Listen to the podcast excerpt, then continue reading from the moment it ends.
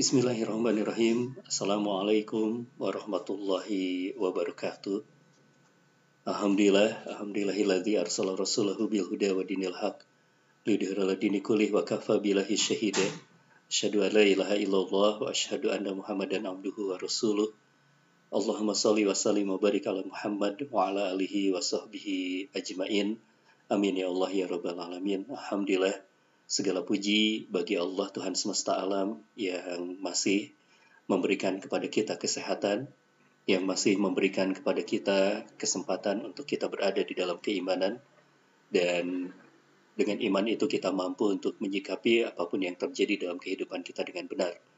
Mudah-mudahan Allah Subhanahu wa taala senantiasa memberikan kepada kita keimanan yang benar tersebut dan mudah-mudahan Allah Subhanahu wa taala senantiasa memeliharanya untuk kita hingga akhir zaman nanti.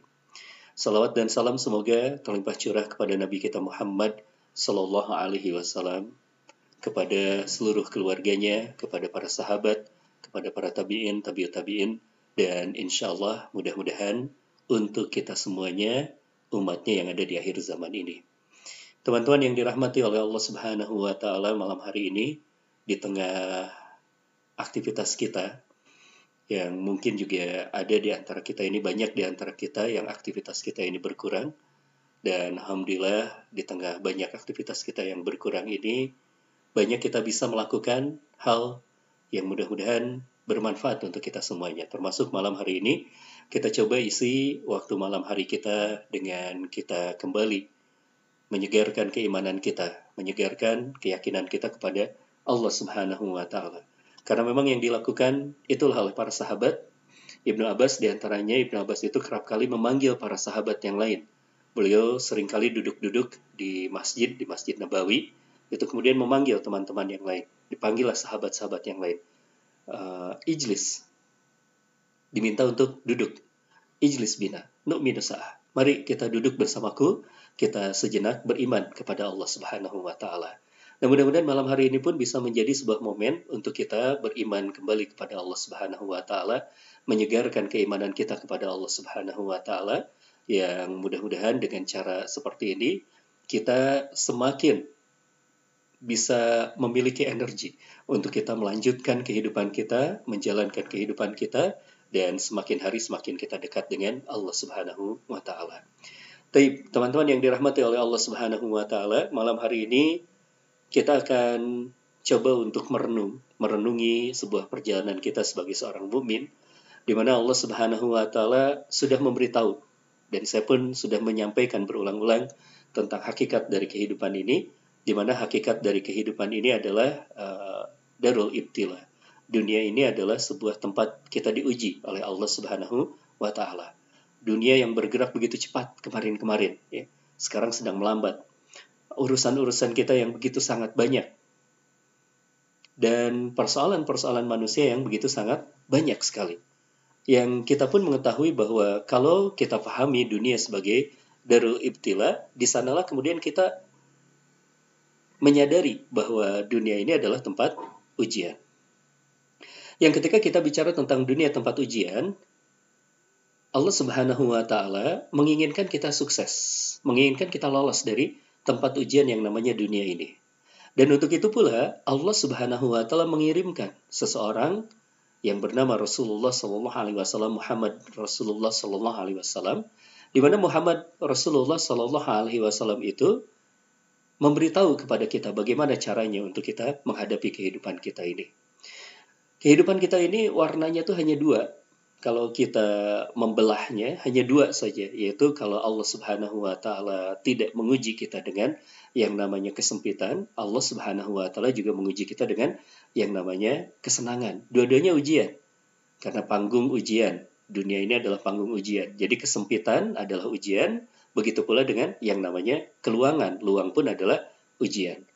Tapi kalau kita bicara tentang ini semuanya, Rasulullah Shallallahu Alaihi Wasallam itu sudah menyampaikan menakjubkan sekali, menakjubkan sekali kondisi orang yang menghadapi dunia ini dengan iman.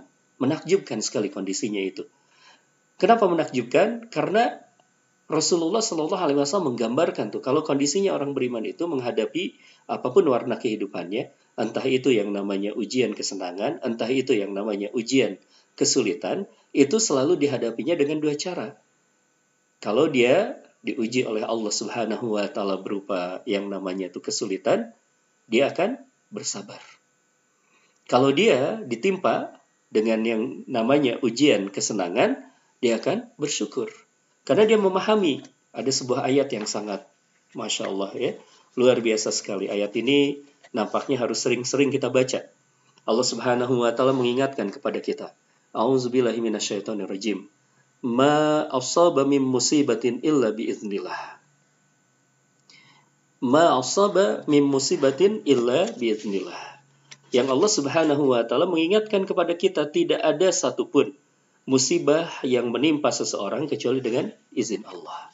Entah itu tadi musibahnya itu berupa satu hal yang tidak kita suka atau satu hal yang kita suka juga, ujian. Itu semuanya atas izin Allah Subhanahu wa taala. Sehingga sebagai seorang yang beriman menghadapinya itu hanya dengan dua, yaitu sabar dan syukur.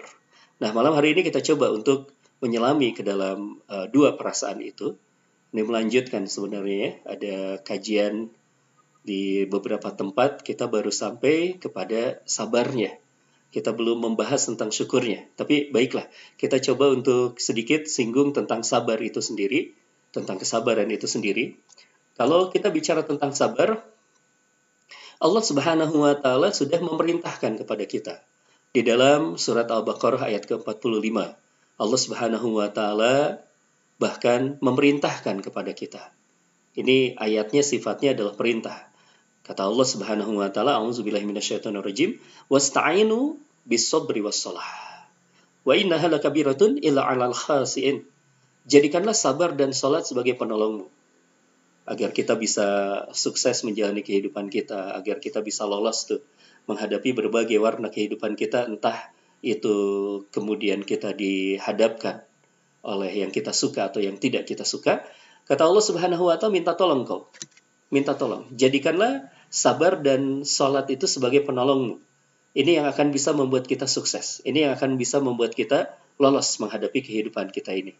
Dan Allah pun sudah mengatakan, wa innaha lakabiratun. Sesungguhnya itu adalah suatu hal yang sangat berat memang. Wa innaha lakabiratun illa alal khasiin. Kecuali memang ada orang yang uh, husu di dalam sholatnya tersebut. Siapa itu yang husu? dilanjutkan oleh Allah Subhanahu wa taala di dalam ayat yang berikutnya itu alladzina yadununa annahum mulaku rabbihim wa annahum ilaihi rajiun yaitu orang yang menyadari tentang perjalanan kehidupannya orang yang menyadari posisi dirinya orang yang menyadari bahwa kehidupan di dunia ini hanyalah sebentar lalu dia akan melanjutkan perjalanan ke sebuah negeri yang namanya negeri akhirat darul akhirat dan kemudian kesabarannya dia ketahanannya dia tidak mengeluhnya dia, tetap dia berada di dalam ketaatan kepada Allah, tetap dia berada di dalam husnuzon ya kepada Allah itu kelak nanti akan dibalas. Di mana? Di negeri akhirat nanti. Ya, meskipun tentu tidak semuanya dibalas di negeri akhirat, tetapi juga kadang-kadang banyak sekali yang dibalas di dunia. Kesabaran itu Allah Subhanahu wa taala memberikan balasannya di dunia. Karena memang seperti doa yang sering kita ucapkan kepada Allah kita memohon kepada Allah Subhanahu wa taala kebaikan di dunia dan di akhirat. Rabbana atina fid dunya hasanah wa fil akhirati hasanah wa qina azabannar. Kita meminta kepada Allah kebaikan di dunia dan juga kebaikan di akhirat. Dan untuk itu pula Allah Subhanahu wa taala akan memberikannya dalam sebuah warna yang namanya warna uh, ujian di dalam hidup kita ini, Allah Subhanahu wa taala memberikan sebuah jalan yaitu wasta'inu bis sabri was Jadikan sabar dan salat sebagai penolongmu ya, agar kita bisa sukses. Bahkan kemudian Allah Subhanahu wa taala memotivasi kita tuh ya. Dimotivasi kita ini oleh Allah Subhanahu wa taala. Allah yang Maha mengetahui bahwa kadang-kadang kita lemah menghadapi hidup kita. Kadang-kadang kemudian kita agak tergoncang gitu ya menghadapi berbagai uh, peristiwa di dalam kehidupan kita. Lalu Allah Subhanahu wa taala memberikan motivasi untuk kita di surah Al-Imran ayat ke-139, "Wala tahinu wala tahzanu," kata Allah. Janganlah engkau bersifat lemah, jangan engkau bersikap lemah hadapin hidup ini. Jangan lemah. Wala tahzanu, jangan sedih. Wa antumul a'laun. Karena engkau adalah tinggi sekali. Ya. Engkau itu adalah orang-orang yang paling tinggi. Itu kan Allah seperti sedang menyapa kita dengan sangat hangat. Ya. Allah tahu tatkala kita menjalani kehidupan kita ini kadang-kadang kita melaksanakannya itu berat. Ngejalaninnya itu berat. Tapi kata Allah, udah jangan lemah. Nggak usah lemah jalanin hidup ini. Toh ada Allah. Jangan banyak bersedih. Toh segala apa pun kesedihan kita, segala apa pun peristiwa-peristiwa yang terjadi dalam hidup kita, hatta ketika kita tertusuk oleh duri, itu ada hitungannya di hadapan Allah Subhanahu wa taala kalau kita hadapi dengan apa? Hadapi dengan sabar. Bisa jadi kemudian juga kesulitan-kesulitan itu akan menggugurkan dosa kita. Akan meningkatkan derajat kita. Bahkan akan membuat diri kita ini lebih dekat dengan Allah Subhanahu wa taala. Karena Allah menjanjikan innallaha ma'as-sabirin. Sesungguhnya Allah itu bersama dengan orang-orang yang sabar. Maka tatkala kita diuji oleh Allah Subhanahu wa taala dan kita mengembalikannya, menghadapinya dengan iman, maka ini adalah suatu hal yang sangat baik saja. Baik-baik saja, tidak ada keburukan di balik itu semuanya. Ya. Uh, untuk itu ini hanya sekedar untuk review berkenaan dengan sabar ya. Sabar itu adalah berkaitan dengan usaha hamba dan sabar juga ada yang tidak berkaitan dengan usaha hamba. Jadi di dua-duanya kita harus bersabar. Apa yang dimaksud dengan sabar yang berkaitan dengan usaha hamba? Yaitu sabarnya kita terhadap perintah dan larangan. Ini harus ada usaha nih kita. Allah Subhanahu wa taala memerintahkan kepada kita Allah Subhanahu wa taala melarang sesuatu kepada kita. Nah, di sana perlu kesabaran untuk kita uh, mampu menjalani yang namanya perintah dan larangan itu. Di zaman yang seperti sekarang ini sulit kadang-kadang ya. Kita untuk menjaga mata saja sulit. Alhamdulillah sekarang banyak di antara kita sedang ujlah, sedang terpaksa diam di rumah. Nah, ini saatnya kita membeningkan mata kita, membeningkan hati kita, membeningkan pikiran kita, membeningkan telinga kita Nah, karena kalau di luar kadang-kadang kan suka terlalu banyak alasan kita ini sulit untuk menjaga mata kita ketika kita di luar. Nah, alhamdulillah Allah Subhanahu wa taala memberikan sebuah kesempatan untuk kita sekarang membersihkan mata kita. Banyak-banyak kita gunakan sebagai uh, sarana untuk kita membaca ayat-ayat Allah, sarana untuk menangis, sarana untuk beristighfar sambil kemudian meneteskan air mata. Mudah-mudahan bersih mata kita. Ya, uh, sabar dalam perintah dan larangan ini membutuhkan kesabaran. Tapi kalau kita memahami dan menyadarinya itu dengan keimanan, ketika kita menghadapi perintah dan larangan, kita tahu bahwa perintah dan larangan ini berasal dari Allah dan yang kita kenal Allah itu adalah yang maha mencintai kita, maka kita sikapi yang namanya perintah dan larangan itu adalah semuanya khair, semuanya adalah kebaikan dari Allah. Allah menginginkan kebaikan untuk kita, lalu kemudian Allah memberikan perintah dan larangan. Bukan untuk kepentingan Allah, tapi untuk kepentingan kita saja. Kemudian yang ke yang kedua adalah sabar yang tidak berkaitan dengan usaha hamba. Tidak ada kaitannya dengan usaha hamba. Pada saat apa kita mengeluarkan sabar uh, yang berjenis hal itu, yaitu sabar kita ketika kita menghadapi ujian. Nah, kalau diuji, ya, siapa yang mengujinya? Allah. Dan kalau Allah ingin menguji seseorang, ya terserah Allah. Allah yang milih, Allah yang menimpakan, Allah yang mencabutnya. Yaitu haknya Allah. Itu bagian dari iradahnya Allah. Kehendaknya Allah subhanahu wa ta'ala. Kalau Allah berkehendak, ya kun, fayakun. Tinggal Allah berkata jadi, maka terjadi. Termasuk juga ketika Allah subhanahu wa ta'ala menguji seseorang. Itu terjadi, terjadi. Kita tidak ingin diuji, tapi Allah ingin menguji kita, terjadi, terjadi. Itu ya. Nah, Ketika kita sudah memahami tentang sabar ini, maka ada satu posisi yang mudah-mudahan kita akhirnya bisa sampai ke sana. Posisinya posisi apa? Sabar ini adalah fondasi ibadah kita. Sabar ini adalah fondasi ibadah kita. Di seluruh ibadah kita, di seluruh ketaatan kita, di seluruh kemudian kemampuan kita untuk menjaga perintah dan larangan Allah, di sanalah ada dasar sabar itu. Kita tidak mungkin menjadi seorang yang takwa tidak mungkin kita seorang menjadi seorang yang baik kalau kita tidak memiliki yang namanya kesabaran itu. Kesabaran adalah awal dari ketaatan kita. Kesabaran juga adalah awal dan jalan ketakwaan kita. Barang siapa yang menempuhnya, barang siapa yang berhasil menempuhnya, maka insya Allah Allah akan mengantarkannya kepada sebuah jalan yang namanya ketakwaan. Untuk itu berbahagia teman-teman. Kalau hari-hari ini kita diuji dengan yang namanya kesulitan, ya ada ujian-ujian seperti itu karena ujian-ujian itu sedang melatih otot kesabaran kita. Semoga setelah kita memiliki kesabaran, kita juga akan bisa memperbaiki tadi itu jalan ibadah kita, jalan ketakwaan kita, bahkan jalan tawakal kita kepada Allah Subhanahu wa taala. Tapi kalau kita bicara tentang sabar ini, kita perlu tahu dan harus mengetahui, harus mengembalikannya kepada satu unsur keimanan kita yang paling mendasar yaitu sabar itu tidak akan bisa kita miliki kecuali dengan pertolongan Allah Subhanahu wa taala. Jadi kalau misalnya kita bertanya pada diri kita bagaimana ya caranya agar kita bisa sabar, yang pertama kali yang harus kita lakukan adalah banyak-banyak kita minta tolong kepada Allah. Banyak-banyak kita minta tolong kepada Allah. Karena tidak mungkin kita ini bisa mendapatkan kesabaran kecuali ditolong oleh Allah Subhanahu wa taala. Ini satu hal yang berat. Kita harus minta kepada Allah Subhanahu wa taala. Nah, kalau dari awalnya seperti itu insya Allah ya. Sekaligus juga ini peneguhan diri kita sebagai seorang hamba. Kita ini harus banyak-banyak minta tolong sama Allah ini. Penegasan bahwa diri kita ini adalah lemah di hadapan Allah. Banyak-banyaklah kita mengadu kepada Allah. Ya Allah, sulit ini ya Allah. Ingin menjadi orang yang sabar tapi sulit ya Allah. Bantu aku. Aku ingin mendapatkan sebuah pembersamaan darimu. Karena aku mengetahui bahwa Inna Allah ma'asabirin. Kau yang menjanjikan akan bersama dengan orang-orang yang sabar. Ya Rob, jadikan aku termasuk orang yang sabar itu. Kita minta tolong dulu kepada Allah subhanahu wa ta'ala. Nah ini yang pertama ya tentang sabar. Dari sabar, akhirnya kita akan menuju kepada yang namanya syukur. Nah, ini yang akan menjadi satu poin lebih dalam kita coba untuk menyelam tentang syukur. Ada satu hal di dalam surah Al-Baqarah ayat ke-172, Allah Subhanahu wa taala itu memerintahkan kepada kita. Perintahnya itu menarik sekali. Ini betul-betul dihubungkan juga dengan yang namanya keimanan kepada Allah Subhanahu wa taala. Ini juga merupakan sebuah ukuran dari sudah benarkah kita menjadi seorang hamba.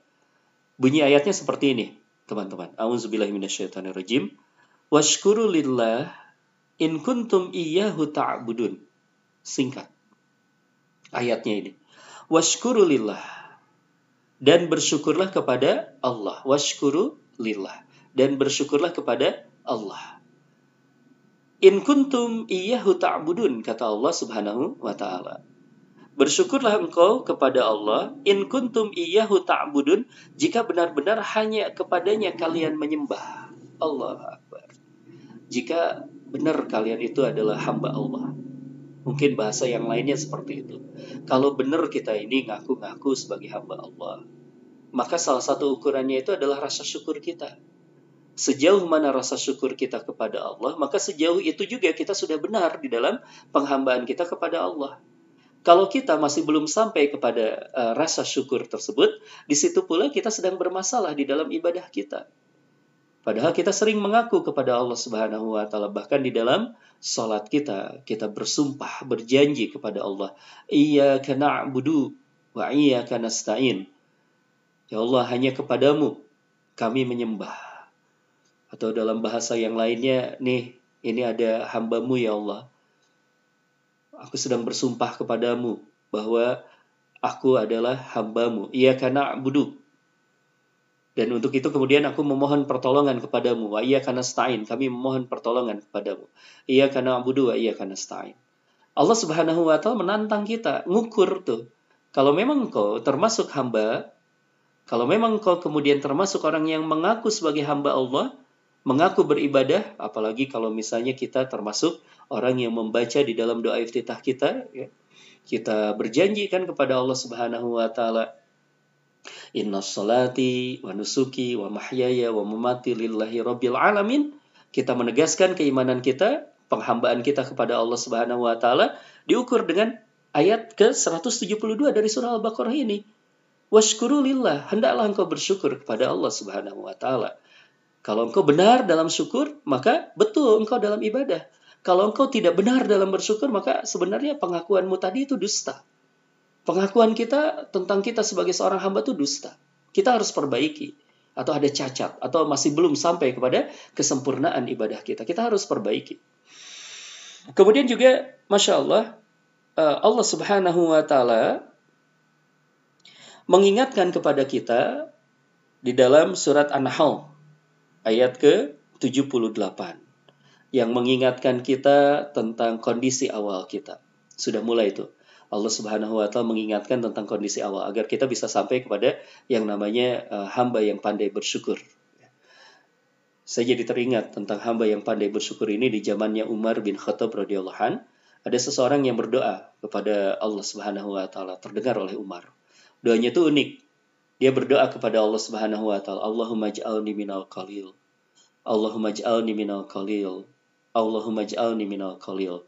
Dia berdoa kepada Allah Subhanahu wa taala, "Ya Allah, jadikan aku termasuk hamba yang sedikit. Jadikan aku termasuk hamba yang sedikit. Jadikan aku hamba yang sedikit." Sampai Umar kaget, heran. Lalu dia bertanya kepada orang tersebut, "Engkau berdoa apa? Kenapa engkau berdoa seperti itu?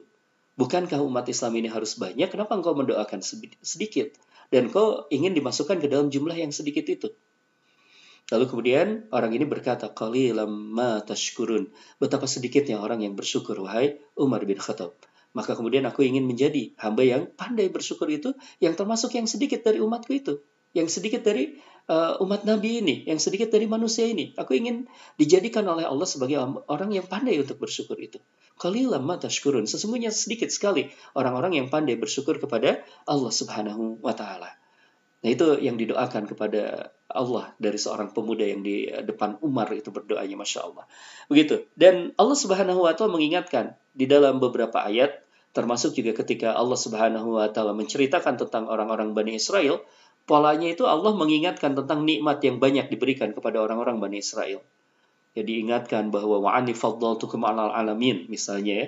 Allah Subhanahu wa taala mengingatkan kepada orang-orang Bani Israel, kami sudah meninggikan engkau ditinggikan lebih dari umat-umat yang lainnya. Kemudian juga diberikan uh, mana wasalwa dan seterusnya diingatkan berbagai nikmat yang diberikan oleh Allah Subhanahu wa taala kepada orang-orang Bani Israel. Agar apa? Agar dia bersyukur, agar dia bersyukur tapi gagal orang Bani Israel itu. Orang Bani Israel termasuk orang yang tidak pandai untuk bersyukur. Dan Allah Subhanahu wa taala mengingatkan kepada kita secara umum di dalam surat An-Nahl ayat ke-78 Allah Subhanahu wa taala mengingatkan tentang uh, penciptaan awal manusia. Ini kalau kita bicara tentang penciptaan awal manusia kan ini adalah merupakan satu hutang yang paling besar dalam kehidupan kita. Kalau Allah tidak menciptakan kita, kita ini tiada. Kalau Allah tidak menciptakan kita, kita ini tidak bisa menikmati fasilitas Allah yang namanya dunia ini nggak bisa kita nikmati. Kita nggak bisa menikmati rumah kita, tidak bisa kemudian uh, bersama dengan anak kita, bersama dengan istri kita, bersama dengan orang tua kita. Tidak mungkin. Kenapa? Kalau Allah tidak menciptakan berarti kita tiada. Dari situ saja sebenarnya sudah ada satu hal yang sangat besar yang diberikan oleh Allah Subhanahu wa taala kepada manusia. Hutang kita sudah sangat besar. Hutang apa? Hutang penciptaan. Allah menciptakan kita. Maka kemudian kita harus menjadi orang yang sangat bersyukur kepada Allah. Dari situ saja sebenarnya sudah uh, merupakan alasan yang begitu sangat besar. Belum lagi kata Allah Subhanahu wa taala di dalam surah An-Nahl ini, Allah mengeluarkanmu, mengeluarkan kalian dari perut ibu kalian. Itu saja sudah peristiwa yang sangat penting ya. Dalam keadaan tidak mengetahui sesuatu apa pun. Dalam keadaan tidak mengetahui sesuatu apa pun. Manusia itu nggak tahu apa-apa. Kebayang Ada seorang bayi yang lahir, ya dia nggak nggak tahu apa-apa dia tidak bisa bicara, tidak ngerti tentang apa pun, masya Allah. Kita tidak mengetahui sesuatu apa pun. Dan kemudian kata Allah Subhanahu wa taala, Allah Subhanahu wa taala memberikan tuh satu unsur, satu bagian, beberapa bagian. Yang bagian ini adalah satu hal yang nantinya merupakan pintu masuk untuk manusia ini berkembang. Manusia ini menjadi sesuatu yang uh, lebih baik lagi. Dari ketidaktahuannya akan menjadi tahu, dari tahunya itu akan menjadi mau, lalu kemudian memiliki berbagai kemampuan-kemampuan untuk menjalani kehidupannya. Dan dia memberi kalian pendengaran, penglihatan, dan hati. Pendengaran, penglihatan, dan hati. Agar kalian bersyukur, kata Allah subhanahu wa ta'ala. Ini setelah Allah Subhanahu wa taala memberikan kita kehidupan, Allah juga memberikan kepada kita aset. Asetnya apa? Pendengaran, penglihatan dan hati. Ini luar biasa. Tidak semua orang diberikan pendengaran yang normal seperti kita. Tidak semua orang diberikan penglihatan yang normal seperti Anda. Tidak kemudian juga Semua orang diberikan hati yang hidup, hati yang diberikan keimanan, hati yang mudah tersentuh dengan nasihat, mudah tersentuh dengan yang namanya Al-Quran, mudah tersentuh dengan berbagai peristiwa. Tidak semuanya orang. Karena ada orang-orang yang ditutup hatinya oleh Allah Subhanahu wa taala. Sub, uh, summun bu'mun umyun fahum la yarji'un. Ada orang yang dikunci mati. Kemudian juga hatinya jadi keras, keras seperti batu gitu ya. Masya Allah, ada orang-orang yang seperti itu. Maka kita bersyukur kepada Allah Subhanahu wa taala.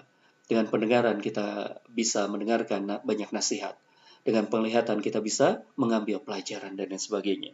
Dan Allah Akbar, Allah Subhanahu wa taala mengingatkan kepada kita jalan kesyukuran ini adalah sebuah jalan yang akan membuat kita berbahagia, teman-teman yang dirahmati oleh Allah Subhanahu wa taala. Misalnya di dalam surat Luqman ayat ke-31. Ini surat Luqman ini adalah surat yang sangat luar biasa ya. Buat Anda yang sudah menjadi seorang orang tua, banyak-banyaklah membuka surat Luqman. Dimulai dari ayat ke-16 dan seterusnya itu ada pola bagaimana mendidik anak. Bagaimana pola harusnya ya memberitahu anak itu apa dulu begitu. Termasuk juga mendidik diri kita. Ya, karena pola uh, kurikulum yang ada di dalam surat Luqman dari mulai ayat ke-16 dan seterusnya itu itu juga bisa diterapkan bukan hanya kepada anak kita tapi juga bisa diterapkan kepada kita. Di antaranya di dalam uh, nasihat Luqman itu kepada anaknya diingatkan yang pertama itu adalah tauhid la tusyrik billah. Itu yang pertama. Kemudian berikutnya, berikutnya, berikutnya sampailah kita kepada ayat ke-31. Di dalam ayat ke-31 ini Allah Subhanahu wa taala mengingatkan, "Wa dana rabbukum la in syakartum la zidanakum." Ayatnya familiar. Wa itadan wa itadana rabbukum la in syakartum la zidanakum dan ingatlah tatkala Rabb kalian memaklumkan atau menghimbau atau meminta menyampaikan kepada manusia ini. Apa yang disampaikan oleh Allah Subhanahu wa taala kepada manusia ini, sesungguhnya jika kalian bersyukur, pasti kami akan menambah nikmat kepada kalian. Polanya menarik. Allah dari awal mengingatkan tentang berbagai nikmat yang ini tidak pernah kita minta sudah ada di dalam diri kita. Pendengaran, penglihatan, hati sudah ada, sudah diberikan oleh Allah Subhanahu wa taala. Tinggal bagaimana caranya kita bisa mengoptimalkan itu semuanya. Lalu kemudian kata Allah Subhanahu wa taala, kalau engkau me mensyukuri itu berbagai nikmat yang diberikan oleh Allah itu, Allah Subhanahu wa taala menjanjikan sesuatu, ditambah tuh oleh Allah. Lain syakartum lazidanakum. Barang siapa yang bersyukur kepada Allah, Allah akan nambah nikmat-nikmatnya itu. Akan memberikan tambah kepada kita nikmat-nikmatnya itu. Allah juga menamakan dirinya itu asyakur. Allah Akbar. Ini satu hal yang pemahaman yang sangat luar biasa tuh.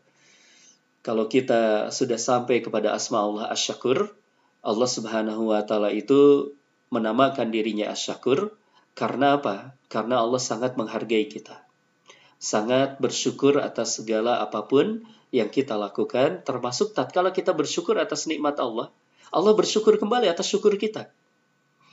Kan luar biasa sekali ya. Kita bersyukur atas nikmat Allah, lalu kemudian Allah bersyukur atas syukurnya kita kepada Allah. Ini salah satunya Allah asyakur. Dan Allah juga menamakan orang-orang yang pandai bersyukur itu dengan orang yang pandai bersyukur gitu ya. Satu akar dengan asyakurnya itu. Ini berarti ketersambungan kita dengan Allah itu salah satunya adalah di sebuah jalan yang namanya jalan syukur itu. Allah menamakan dirinya syakur, lalu kemudian kita juga menjadi abdan syakur, menjadi hamba yang pandai untuk bersyukur. Nyambungnya lewat satu kalimat yang namanya kalimat syukur itu. Keterhubungan kita dengan Allah subhanahu wa ta'ala. Masya Allah. Ini penting sekali berarti. Siapa pun yang ingin terhubung dengan Allah, kita sudah menemukan caranya. Caranya seperti apa? Jadilah kita sebagai hamba yang pandai untuk bersyukur. Sampai pernah Rasulullah Shallallahu Alaihi Wasallam itu Rasulullah itu kan punya sahabat-sahabat yang memang sahabatnya itu uh, berbeda-beda ya. Ada sahabat-sahabat yang sangat dicintai oleh Rasulullah Shallallahu Alaihi Wasallam. Di antaranya yang sangat dicintai oleh Rasulullah itu adalah yang namanya Muaz, sahabat Muaz. Rasulullah pernah datang kepada Muaz. Dia berkata, Demi Allah, wahai Muaz, aku benar-benar mencintaimu.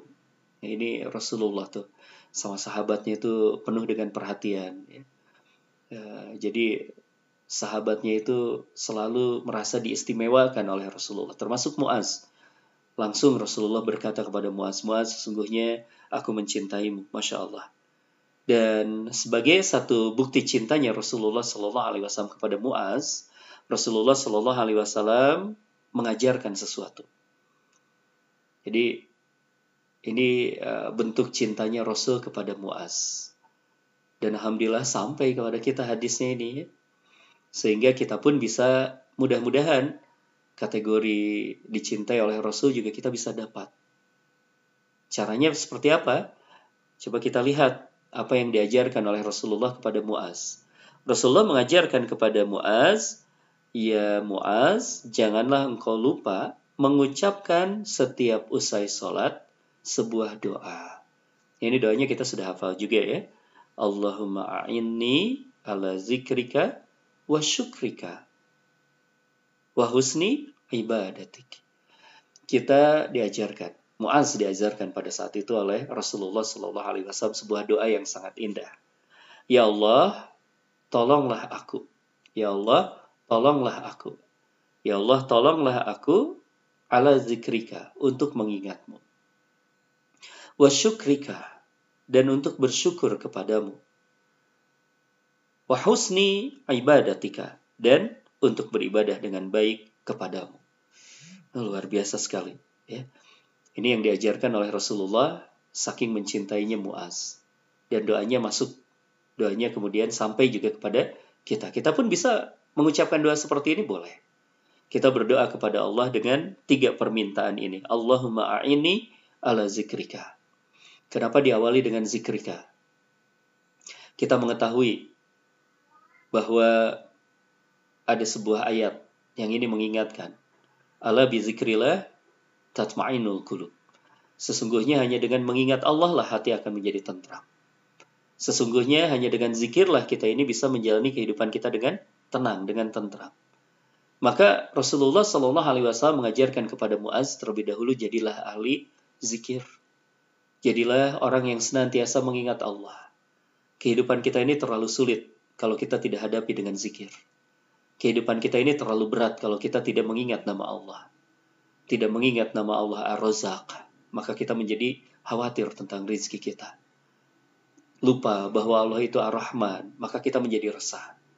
Lupa bahwa Allah itu Al-Wadud, maka kemudian kita merasa sendirian.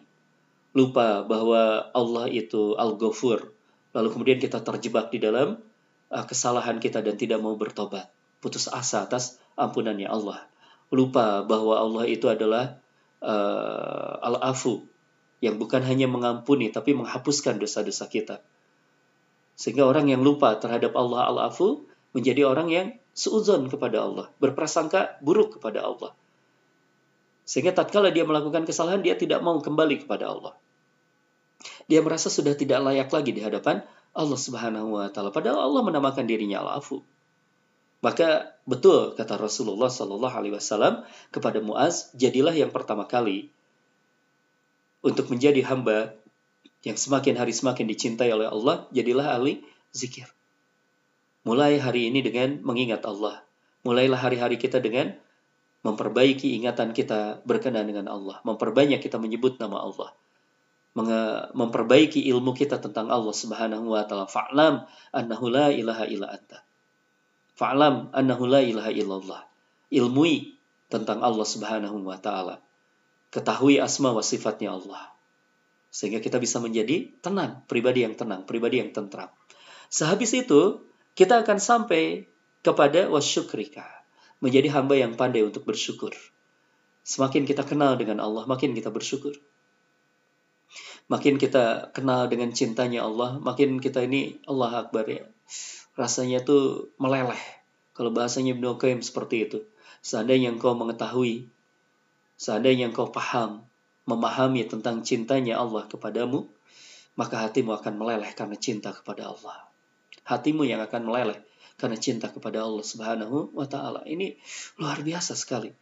Tapi banyak orang yang tidak mencoba untuk memahami cintanya Allah sehingga uh, tidak bersambung kepada Allah, sulit untuk menjadi hamba yang pandai untuk bersyukur. Padahal pintu masuknya dari situ terlebih dahulu. Kenali Allah. Kenali bagaimana kasih sayangnya Allah. Kenali bagaimana kemudian Allah Subhanahu wa taala itu mengurus kita bahkan tatkala kita lupa kepada Allah. Tatkala kita lupa kepada Allah, Allah tidak lupa kepada kita. Tatkala kita bermaksiat kepada Allah, Allah bahkan tidak meninggalkan kita. Bukti Allah Subhanahu wa taala masih memberikan kesempatan kepada kita untuk bertobat. Kesempatan untuk kita masih bisa berdiri, ruku, sujud dalam sholat kita. Di tengah hinanya kita ini, di tengah banyaknya kesalahan kita ini, tuh Allah masih menerima kita untuk kembali. Masya Allah. Allahumma a'ini ala zikrika wa syukrika wa husni ibadatik. Lalu kita pun sampai kepada tiga permohonan. Nah, permohonan yang ketiga yaitu kita meminta kepada Allah. Ya Rasulullah mengajarkan Muaz pada saat itu agar bisa kita beribadah baik kepada Allah karena untuk menjadi hamba yang uh, abid, hamba yang beribadah dengan benar kepada Allah pun kita membutuhkan pertolongan dari Allah Subhanahu wa taala. Nah, ini bukti kecintaannya Rasulullah Shallallahu alaihi wasallam kepada Muaz. Ketika Rasulullah mencintai Muaz, maka kemudian Rasulullah mengajarkan sebuah doa yang salah satu unsur di dalam doanya itu adalah mohon kepada Allah agar dimasukkan ke dalam golongan hamba yang pandai untuk bersyukur. Baik, nah sekarang kita masuk ke inti. Satu inti dari ukuran kesyukuran kita. Tadi kita sudah memahami bahwa ibadah kita ini diukur dengan seberapa bersyukur kita kepada Allah. Ini kita memerlukan lagi ukuran nih, seberapa bersyukurnya kita kepada Allah itu. Ibnu Qayyim di dalam sebuah kitab beliau yaitu Madarijus Salikin, beliau mengukur dengan lima hal. Kata beliau bahasa aslinya itu adalah di, dikatakan syukur itu dilandaskan kepada lima sendi. Lima poin. Lima sendi. Kalau sendi itu berarti kan poros ya. Jadi berputar. Jadi kalau misalnya itu ada, mudah gerakannya kita. Kalau itu nggak ada, sulit. Ya, seret nantinya kita. Dan apa yang lima sendi itu? Yang pertama kata Ibnu Qayyim adalah orang yang bersyukur itu diukur dengan ketundukannya terhadap yang dia syukuri. Orang yang bersyukur diukur dengan ketundukannya kepada yang dia syukuri. Kalau kita misalnya bersyukur kepada Allah, kita mengaku nih bersyukur kepada Allah, ukur dengan ketundukan kita. Ketika datang perintah dari Allah Subhanahu wa taala, seberapa baik respon kita? Ketika Allah Subhanahu wa taala memerintahkan kepada kita, "Hayya 'alas shalah." Mari kita salat. Bagaimana respon kita? Ketika Allah Subhanahu wa taala memerintahkan kepada kita, "Wa'atuz zakah." Tunaikanlah zakat. Bagilah hartamu kepada orang-orang yang berkekurangan, kepada orang-orang yang miskin, apalagi di masa sekarang ini. Banyak orang yang kehilangan pekerjaannya, banyak orang yang kehilangan sumber mata pencahariannya. Kita harus berbagi bersama dengan mereka. Bagaimana kita merespon itu semuanya? Ini ada perintah. Atau tatkala kemudian juga ada larangan dari Allah Subhanahu wa taala. Seberapa bagus tunduk kita kepada larangan itu? Ketika Allah Subhanahu wa taala melarang kita untuk uh, bergibah misalnya. Tatkala Allah Subhanahu wa taala melarang kita untuk tidak berurusan dengan riba. Tatkala Allah Subhanahu wa taala melarang untuk kita berurusan dengan yang namanya hal-hal yang haram. Bagaimana respon kita? Bagaimana ketundukan kita? Ya kerap kali kan kalau kita bicara tentang yang haram ini sering kali dibentur-benturkan dengan banyak hal. Nah, misalnya salah satunya ketika di wabah kasus ini, ya, ada seorang sahabat hari ini juga mudah-mudahan sedang uh, bergabung nih ya malam hari ini. Ada seorang teman kami, sahabat kami cerita, Sad, ada seseorang yang mengatakan pada kami, pada saya kata dia, seandainya kemudian uh, virus corona ini ada obatnya, dan seandainya kemudian di dalam obatnya itu ada unsur haramnya, bagaimana sikap kita sebagai seorang mukmin? Pertanyaan dari sananya sebenarnya masih netral tuh. Tapi kemudian disusul dengan sebuah pernyataan, pertanyaan yang disusul dengan sebuah pernyataan. Karena orang tersebut berkata pada saya katanya, jangan campur-campur adukan hukum dengan uh, jangan campur-campur adukan ukuran yang lain termasuk agama ketika bicara tentang kesehatan. Wah, masya Allah. Kalau seperti itu agak berat buat saya. Saya kemudian mengkritisi pertanya pernyataannya itu terlebih dahulu. Kalau pertanyaannya sebenarnya bisa dijawab karena eh, dalam Islam ini ada protokol yang namanya protokol darurat. Usul fikih itu berbicara tentang kondisi darurat dan itu pasti dijawab oleh Islam. Tapi pernyataannya itu yaitu bagaimana uh, ketika ada sebuah pernyataan statementnya yaitu seolah-olah ingin melepaskan kehidupannya dengan yang namanya keinginan-keinginan Allah ingin melepaskan kehidupannya itu dengan hukum-hukum Allah. Ya dibungkus dengan sebuah pertanyaan tentang berandai-andai tadi seperti itu. Padahal kalau misalnya kita termasuk hamba yang pandai bersyukur tadi itu, yang salah satu ukurannya adalah ketaatan kita kepada Allah Subhanahu wa taala, seharusnya dari mulai pengandaiannya pun sudah pengandaian yang didasarkan kepada keimanan. Kita beriman kepada Allah bahwa kalau Allah memberikan sesuatu pasti ada solusi yang halal. Maka ketika Allah Subhanahu wa taala memberikan kepada kita batasan ini haram, ini halal, uh, itu pasti bisa kita hindari, pasti bisa kita hindari, pasti bisa kita hindari berkenaan dengan hal tersebut. Jadi jangan takut. Pasti ada obat yang halal berkenaan dengan hal ini, pasti itu. Ini keimanan kita berbicara. Tapi selama belum ditemukan uh, obat yang halal itu, nah nanti bicara tentang protokol kedaruratan itu berbeda. Tapi statementnya, mindsetnya kita itu harus mindset orang yang beriman terlebih dahulu. Jangan sudah sejak, sejak awal kita ingin melepaskan dari ketaatan kita kepada Allah. Tidak bisa itu. Kita ini namanya muslim. Muslim itu adalah menyerah. Menyerah kepada siapa? Menyerah kepada Allah. Tatkala kita kemudian tidak mau taat kepada Allah, ya tidak uh, bisa lagi kita disebut sebagai seorang yang namanya muslim. Gak bisa, gugur kita. Uh, disebut sebagai muslim. Tidak bisa lagi kita disebut sebagai muslim. Itu yang pertama ya. Uh, ini sejauh mana kita taat maka sejauh itulah kita disebut sebagai hamba yang pandai untuk bersyukur ya. Kemudian yang kedua sendi yang kedua kalau kita ingin disebut sebagai orang yang pandai untuk bersyukur itu adalah orang uh, sendi yang keduanya ini adalah mencintai Allah. Wah ini kalau bahasan tentang mencintai Allah ini panjang sekali tuh urusannya ya. Kalau mencintai, kalau tadi kan taat terhadap aturan. Taat itu biasanya ya hanya seperti itu. Uh, kita misalnya, maaf ini ya, perumpamaan hanya untuk memudahkan pemahaman saja. Kadang-kadang ketika misalnya Anda uh, pergi ke jalan raya pakai motor, saya pakai motor. Anda bisa pakai helm, helmnya sembarangan helmnya. Kenapa pakai helm sembarangan? Eh, yang penting nggak ditangkap sama polisi lah. Jadi takutnya sama polisi. takutnya sama polisi. Padahal seharusnya kita bisa berpikir lebih tentang hal itu. Kenapa kemudian uh, kita tidak pakai helm yang bagus, yang standar keamanan gitu? Uh, mungkin ada orang yang berkata, "Atau sayang lah, yang penting kan tidak dicegat sama polisi." Bukan seperti itu. Tapi kita ketika mau pakai helm yang bagus itu, nah masuk ke dalam suatu hal Ketika ditanya ini helmnya oh, mahal sekali, bagus sekali. Kenapa pakai helm yang seperti itu? Karena saya mencintai kepala saya. Saya mencintai diri saya. Ini aset saya nih. Kepala saya ini aset. Maka harus dilindungi dengan helm yang baik. Agar apa? Jadi uh, aset saya terlindungi. Bukan hanya sekedar takut kepada polisi, tapi mencintai sesuatu. Nah begitu pula kalau kita kemudian juga mencintai Allah Subhanahu Wa Taala. Meskipun tadi, mohon maaf, itu uh, analogi untuk memudahkan saja untuk kita memahami tentang cinta. Cinta itu menghadirkan sesuatu yang namanya itu adalah totalitas. Itu cinta tuh. Cinta tuh menghadirkan bukan hanya sekedar, tapi kemudian yang paling. Bukan hanya sekedar, tapi paling. Itu cinta. Tuh. Seperti itu. Kita mencintai ibu kita. Kita memberikan yang paling baik kepada ibu kita. Kita mencintai sesuatu, kita jaga tuh. Kita mencintai Allah, maka kemudian apa pun yang kita persembahkan kepada Allah itu pasti kita hadirkan yang paling baik. Kalau kita ibadah, ibadah yang paling baik. Kalau kita sholat, sholat yang paling baik. Kalau kita sedekah, sedekah yang paling baik. Kalau kita uh, melakukan sesuatu karena Allah, itu pasti totalitas tuh. Sehingga kita menjadi orang yang profesional.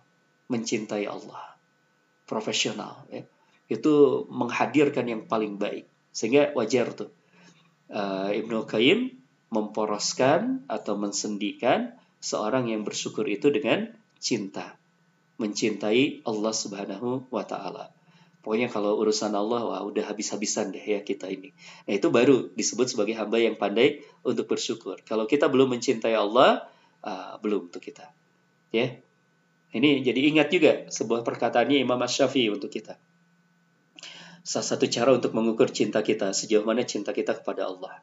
Kata Imam Syafi'i, tidak mungkin seseorang itu bisa sampai kepada kecintaan kepada Allah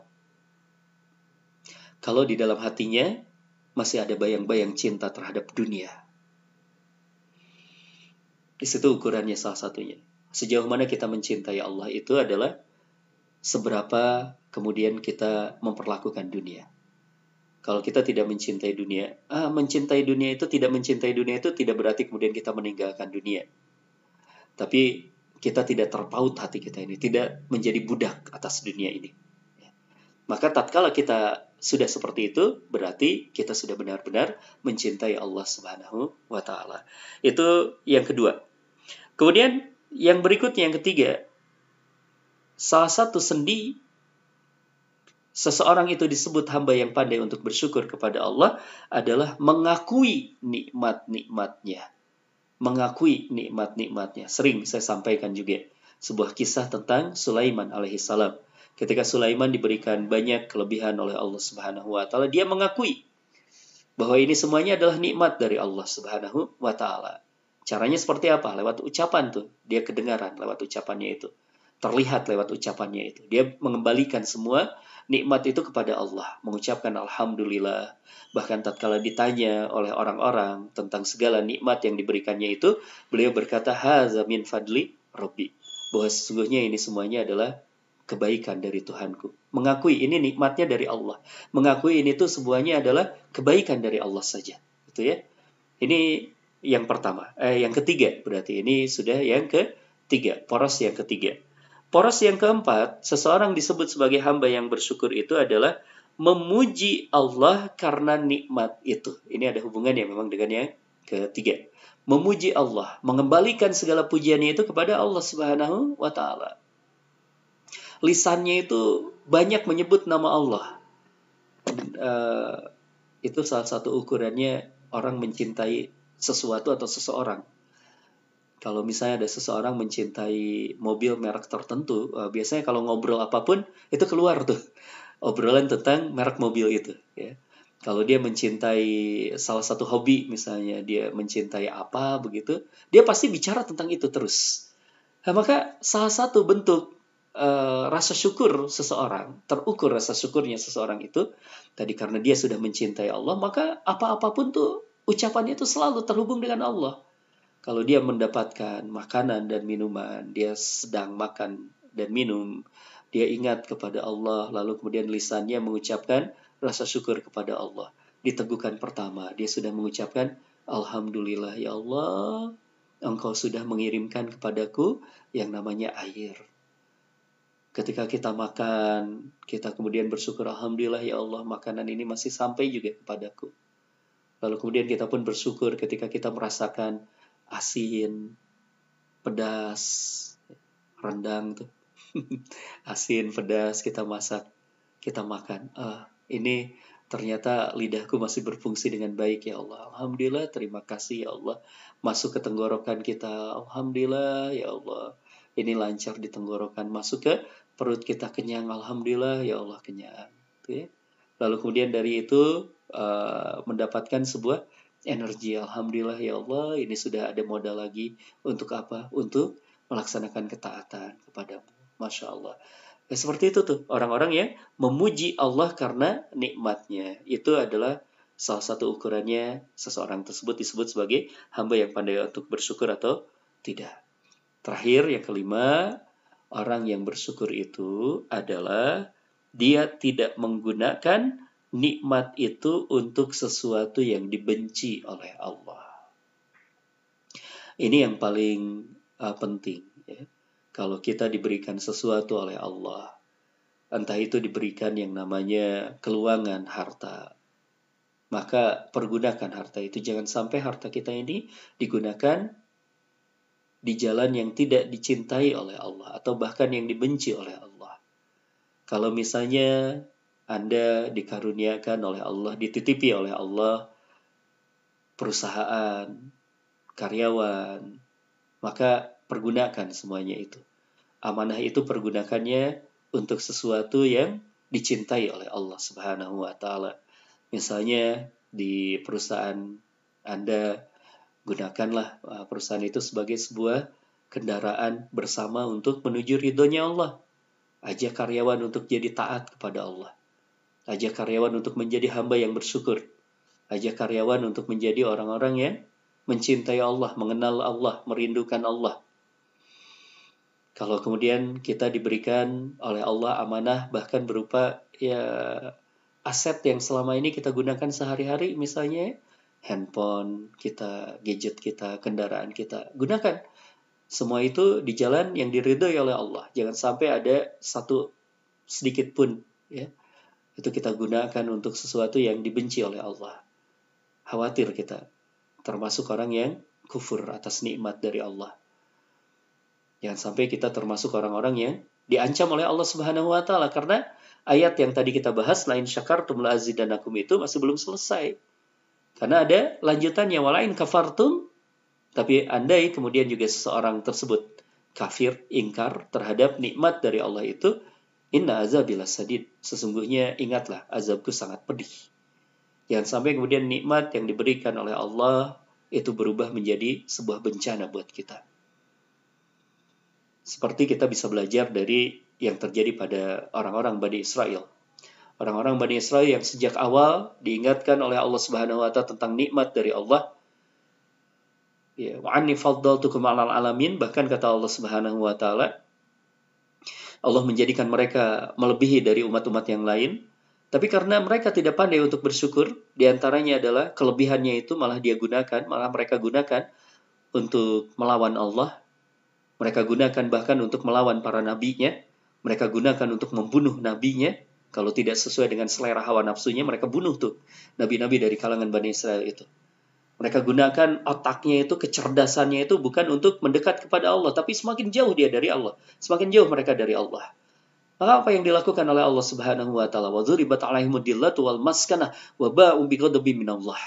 Allah Subhanahu wa taala lalu tidak suka karena mereka tidak berhasil untuk bersyukur kepada Allah wa dzuribat alaihimudillah Allah benci kepada mereka. Wal maskanah wa dzuribat alaihimudillah wal maskanah. Allah timpakan kepada mereka kemiskinan. Dulunya itu dimuliakan oleh Allah tapi kemudian miskin. Orang Bani Israel itu kan akhirnya dijajah dijadikan budak di dua negeri. Pernah di Mesir pernah di Irak ya di Babilonia masya Allah. Itu karena apa? Tidak pandai bersyukur. Seharusnya kita ambil pelajaran dari kisahnya Bani Israel ini. Jangan sampai kemudian kita termasuk hamba-hamba yang dicabut tuh. Kita sudah diberikan banyak karunia oleh Allah, dicabut oleh Allah karunianya. Allah Akbar. Wa Kita tidak menginginkan untuk itu semuanya. Maka untuk itu, kita berupaya untuk menjadi hamba yang pandai untuk bersyukur. Dan salah satu jalan syukur kita adalah menjadikan segala nikmat yang diberikan oleh Allah itu menjadi fasilitas semakin dekatnya kita kepada Allah. Semakin taatnya kita kepada Allah subhanahu wa ta'ala. Masya Allah. Mudah-mudahan nasihat ini ini berguna untuk saya terutama. Berguna untuk teman-teman juga. Ya, mari kita jadikan sabar dan syukur ini menjadi sebuah kendaraan sebuah jalan untuk kita sampai ke dalam surga yang dijanjikan oleh Allah Subhanahu wa taala. Ini mengingat satu pesan terakhir, satu pesan terakhir maksudnya di uh, malam hari ini pesannya dari Umar bin Khattab. Umar bin Khattab pernah uh, berpesan sekaligus juga berstatement ya.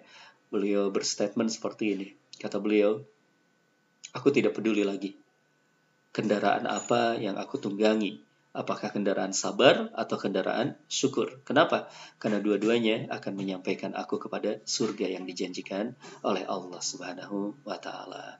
Nah, mudah-mudahan kita pun termasuk orang yang bisa menunggangi segala kejadian ini saat kita diuji oleh Allah dengan kesulitan kita bersabar dan sabar itu adalah baik. Saat kita kemudian juga diberikan diuji oleh Allah berupa kesenangan, kita pun menjadi hamba yang bersyukur maka insya Allah ini pun baik untuk kita semuanya ya. Kita saling mendoakan kita saling mendoakan. Semoga Allah menurunkan pertolongannya untuk kita semuanya. Amin ya Allah ya rabbal alamin. Subhanaka Allahumma wa bihamdika asyhadu an la ilaha illa anta astaghfiruka wa atubu Terima kasih banyak teman-teman. Mudah-mudahan kita masih diberikan kesempatan untuk berjumpa di kesempatan yang lainnya. Assalamualaikum warahmatullahi wabarakatuh. Bismillahirrahmanirrahim. Assalamualaikum warahmatullahi wabarakatuh. Alhamdulillah, alhamdulillahilladzi arsala rasulahu bil huda wa dinil haq lidhira dini wa kafa billahi. Asyhadu an la ilaha illallah wa asyhadu anna Muhammadan abduhu wa rasuluh. Allahumma salli wa sallim wa barik ala Muhammad wa ala alihi wa sahbihi ajmain. Amin ya Allah ya rabbal alamin. Alhamdulillah segala puji bagi Allah Tuhan semesta alam yang masih memberikan kepada kita kesehatan, yang masih memberikan kepada kita kesempatan untuk kita berada di dalam keimanan dan dengan iman itu kita mampu untuk menyikapi apa pun yang terjadi dalam kehidupan kita dengan benar. Mudah-mudahan Allah Subhanahu wa taala senantiasa memberikan kepada kita keimanan yang benar tersebut dan mudah-mudahan Allah Subhanahu wa taala senantiasa memeliharanya untuk kita hingga akhir zaman nanti. Salawat dan salam semoga terlimpah curah kepada Nabi kita Muhammad Sallallahu Alaihi Wasallam, kepada seluruh keluarganya, kepada para sahabat, kepada para tabiin, tabiut tabiin, dan insya Allah mudah-mudahan untuk kita semuanya, umatnya yang ada di akhir zaman ini.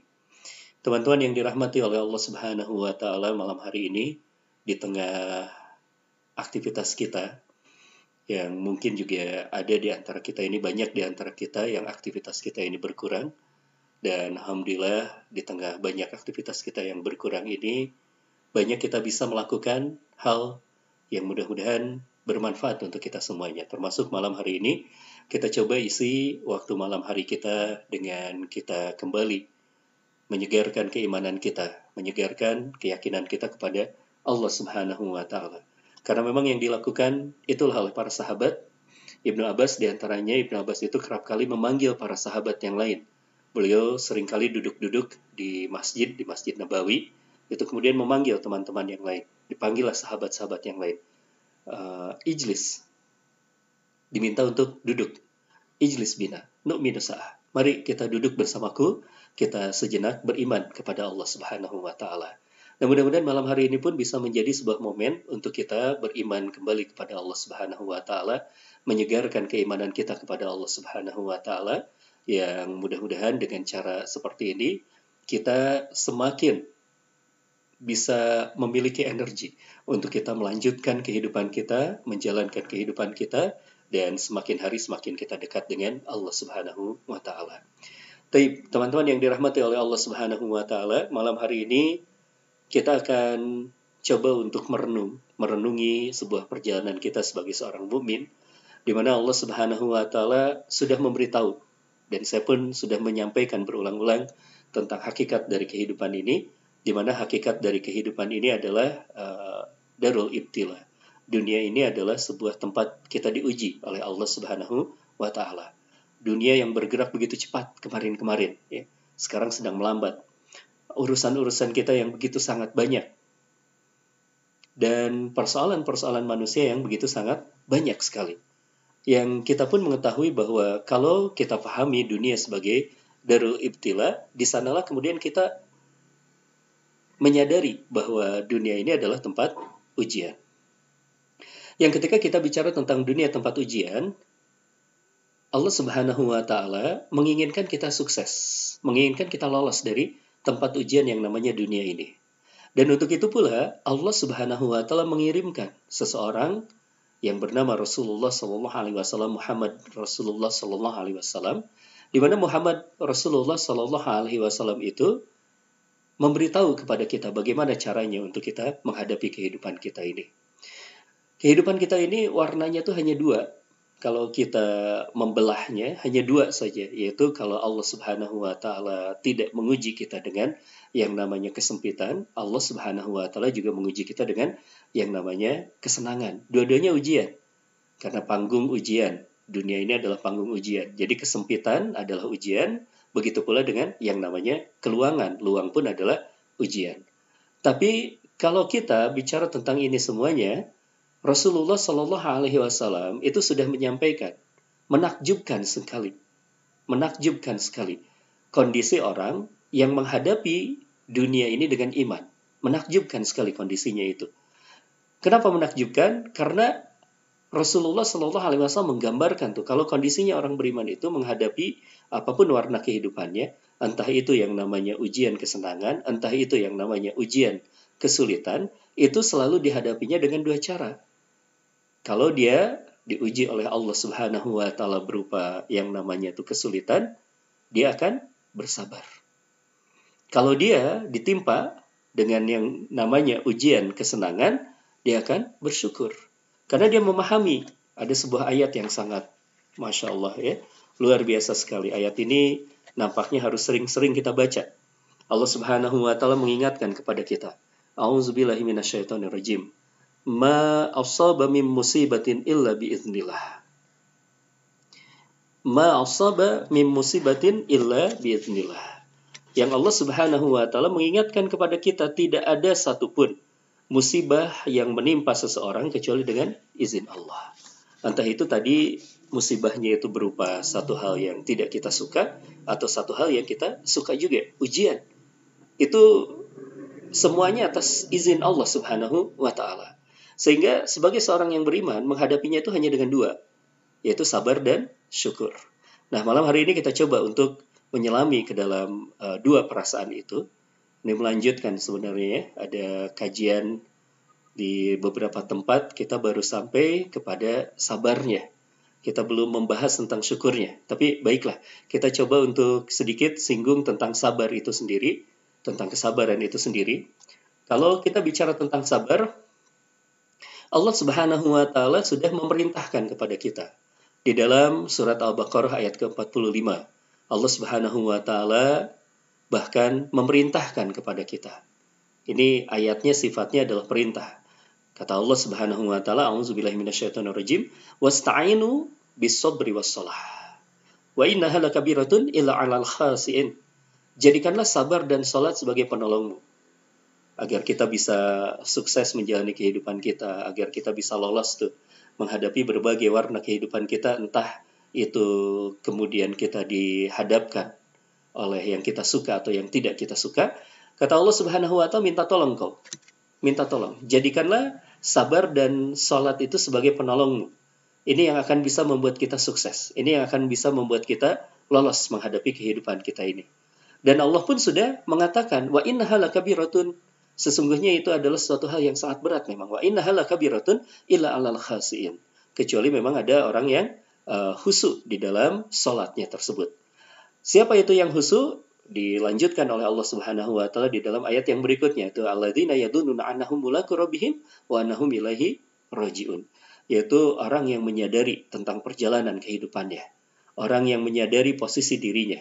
Orang yang menyadari bahwa uh, kehidupan di dunia ini hanyalah sebentar lalu dia akan melanjutkan perjalanan ke sebuah negeri yang namanya negeri akhirat, darul akhirat.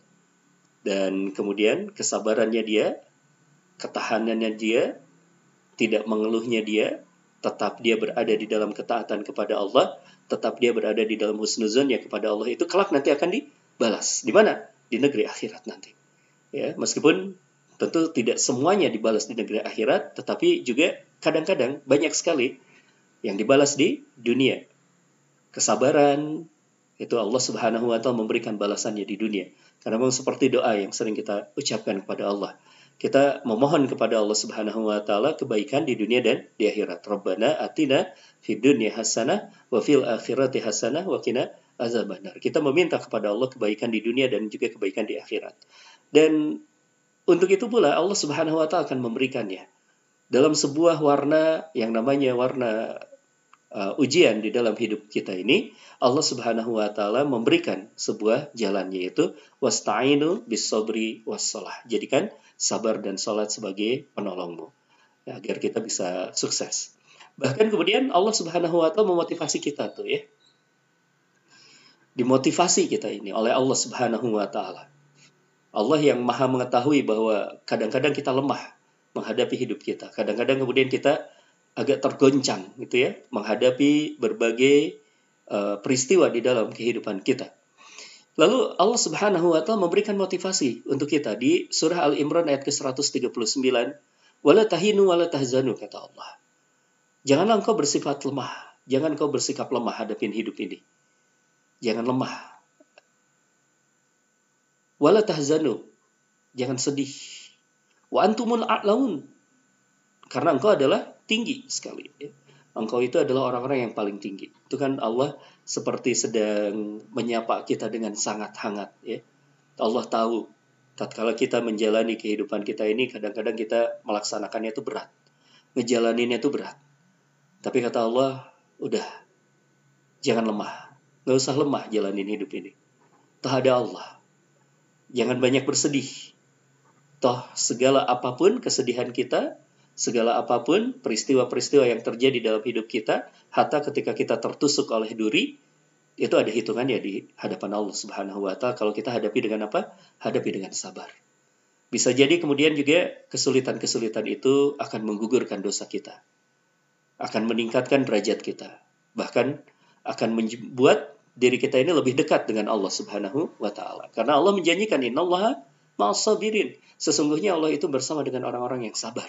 Maka tatkala kita diuji oleh Allah Subhanahu wa taala dan kita mengembalikannya, menghadapinya dengan iman, maka ini adalah suatu hal yang sangat baik saja.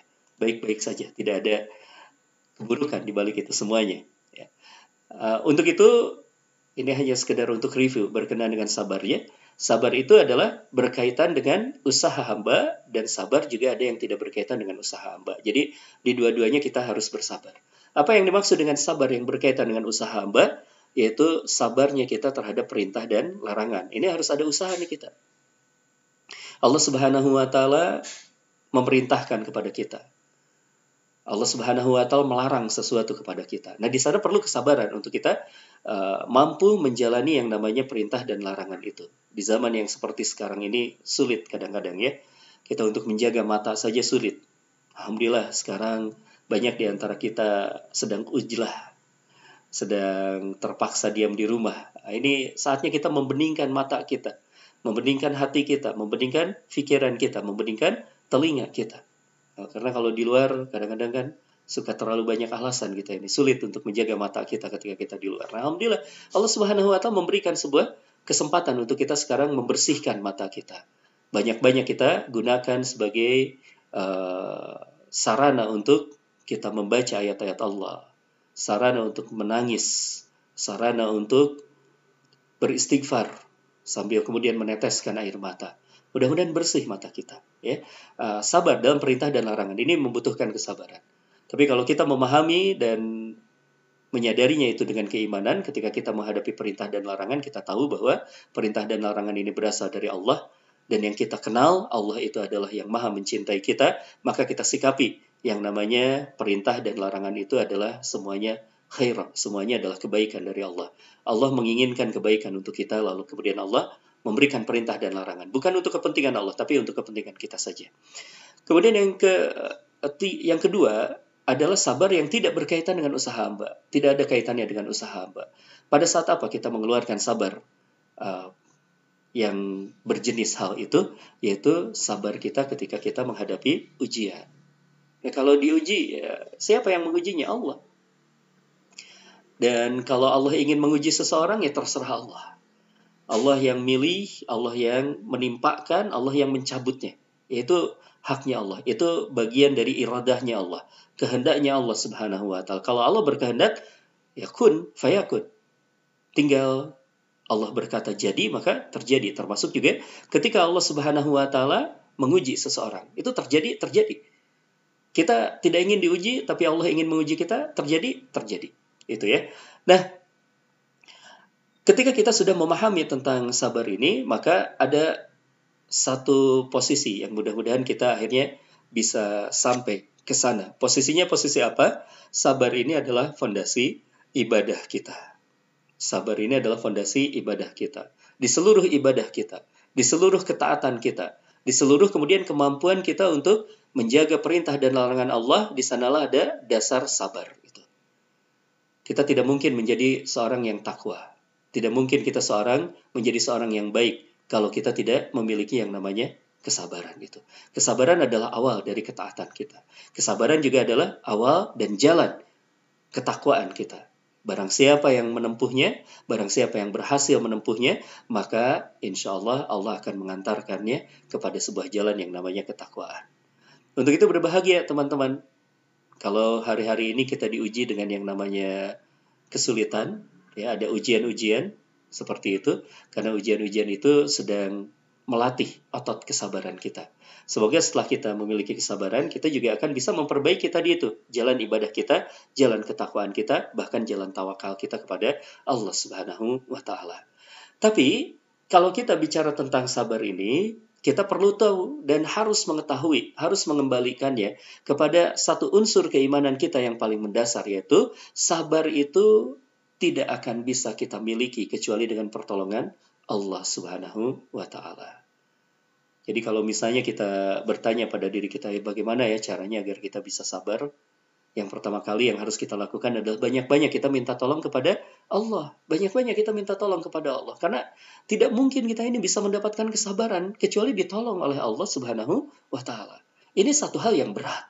Kita harus minta kepada Allah Subhanahu wa taala. Nah, kalau dari awalnya seperti itu insya Allah ya. Sekaligus juga ini peneguhan diri kita sebagai seorang hamba. Kita ini harus banyak-banyak minta tolong sama Allah ini. Penegasan bahwa diri kita ini adalah lemah di hadapan Allah. Banyak-banyaklah kita mengadu kepada Allah. Ya Allah, sulit ini ya Allah. Ingin menjadi orang yang sabar tapi sulit ya Allah. Bantu aku. Aku ingin mendapatkan sebuah pembersamaan darimu.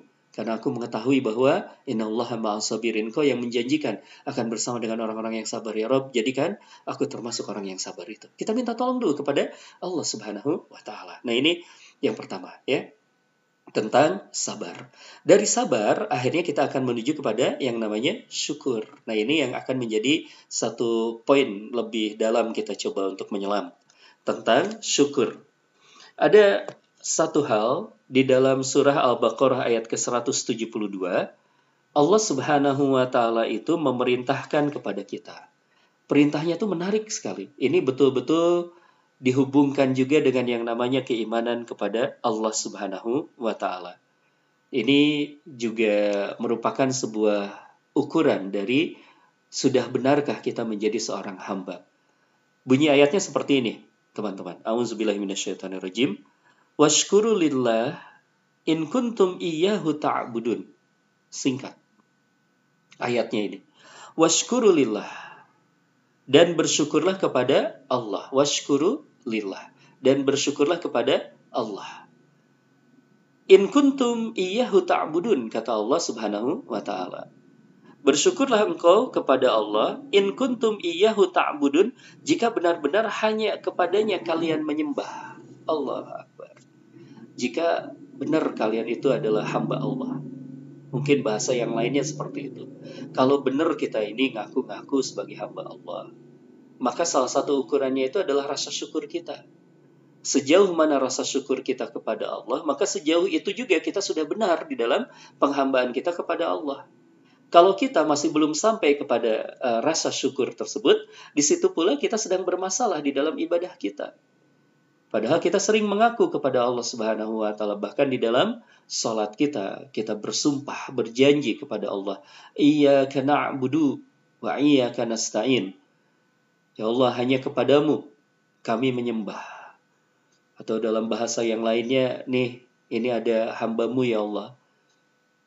Aku sedang bersumpah kepadamu bahwa aku adalah hambamu. Karena budu. Dan untuk itu kemudian aku memohon pertolongan kepadamu. Wa iya karena stain. Kami memohon pertolongan kepadamu. Iya karena abudu wa iya karena stain. Allah subhanahu wa ta'ala menantang kita. Ngukur tuh. Kalau memang kau termasuk hamba. Kalau memang kau kemudian termasuk orang yang mengaku sebagai hamba Allah. Mengaku beribadah. Apalagi kalau misalnya kita termasuk orang yang membaca di dalam doa iftitah kita. Ya. Kita berjanji kan kepada Allah subhanahu wa ta'ala Inna salati wa nusuki wa mahyaya wa mamati lillahi rabbil alamin. Kita menegaskan keimanan kita, penghambaan kita kepada Allah Subhanahu wa taala diukur dengan ayat ke-172 dari surah Al-Baqarah ini. Washkuru lillah, hendaklah engkau bersyukur kepada Allah Subhanahu wa taala. Kalau engkau benar dalam syukur, maka betul engkau dalam ibadah. Kalau engkau tidak benar dalam bersyukur, maka sebenarnya pengakuanmu tadi itu dusta. Pengakuan kita tentang kita sebagai seorang hamba itu dusta.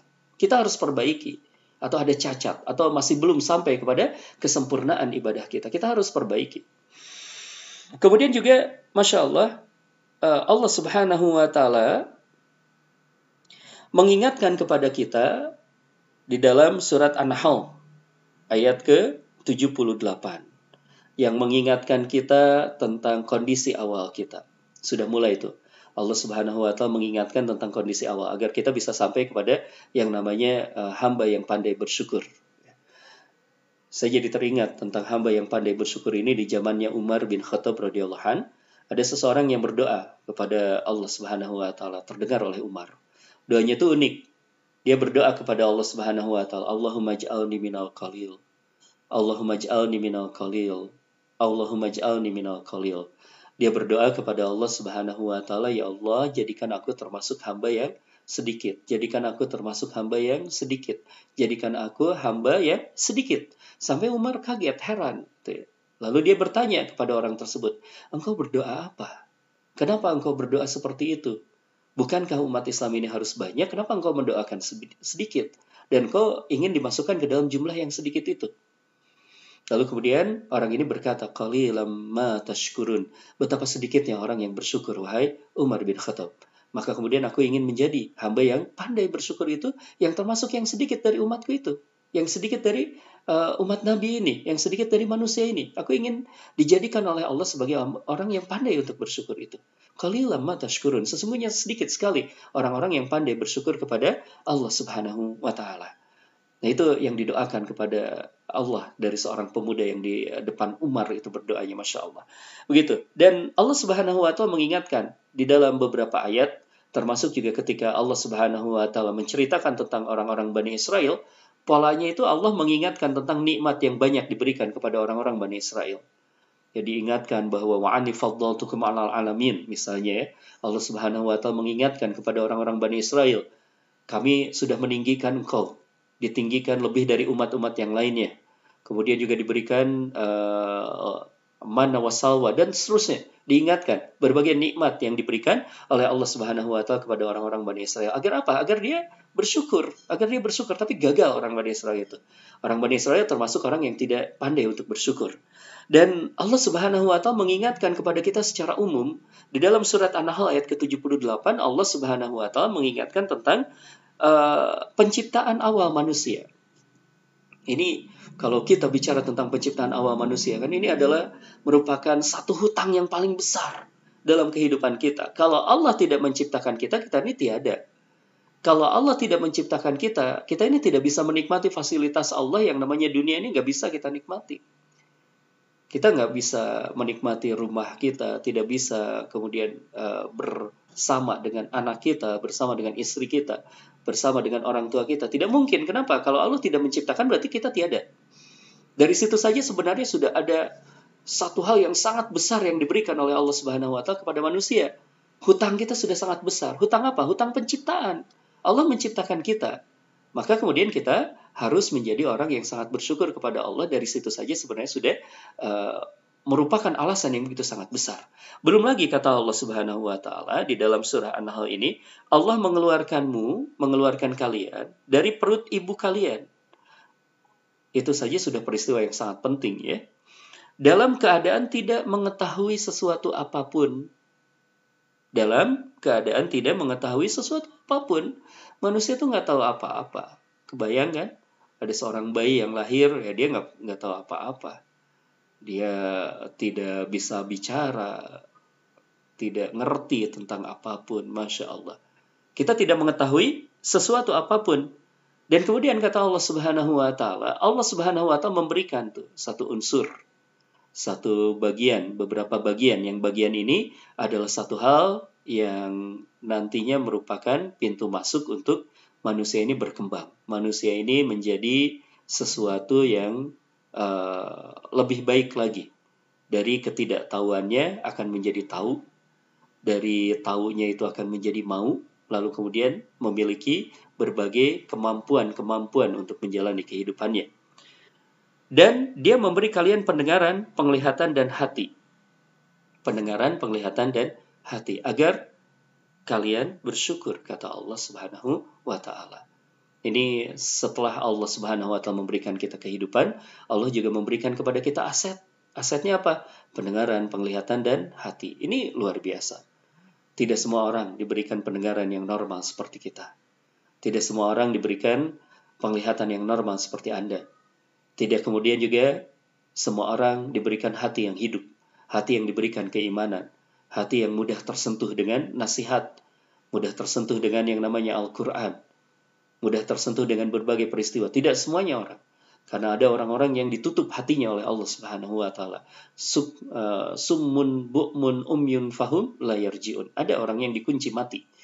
Kemudian juga hatinya jadi keras, keras seperti batu gitu ya.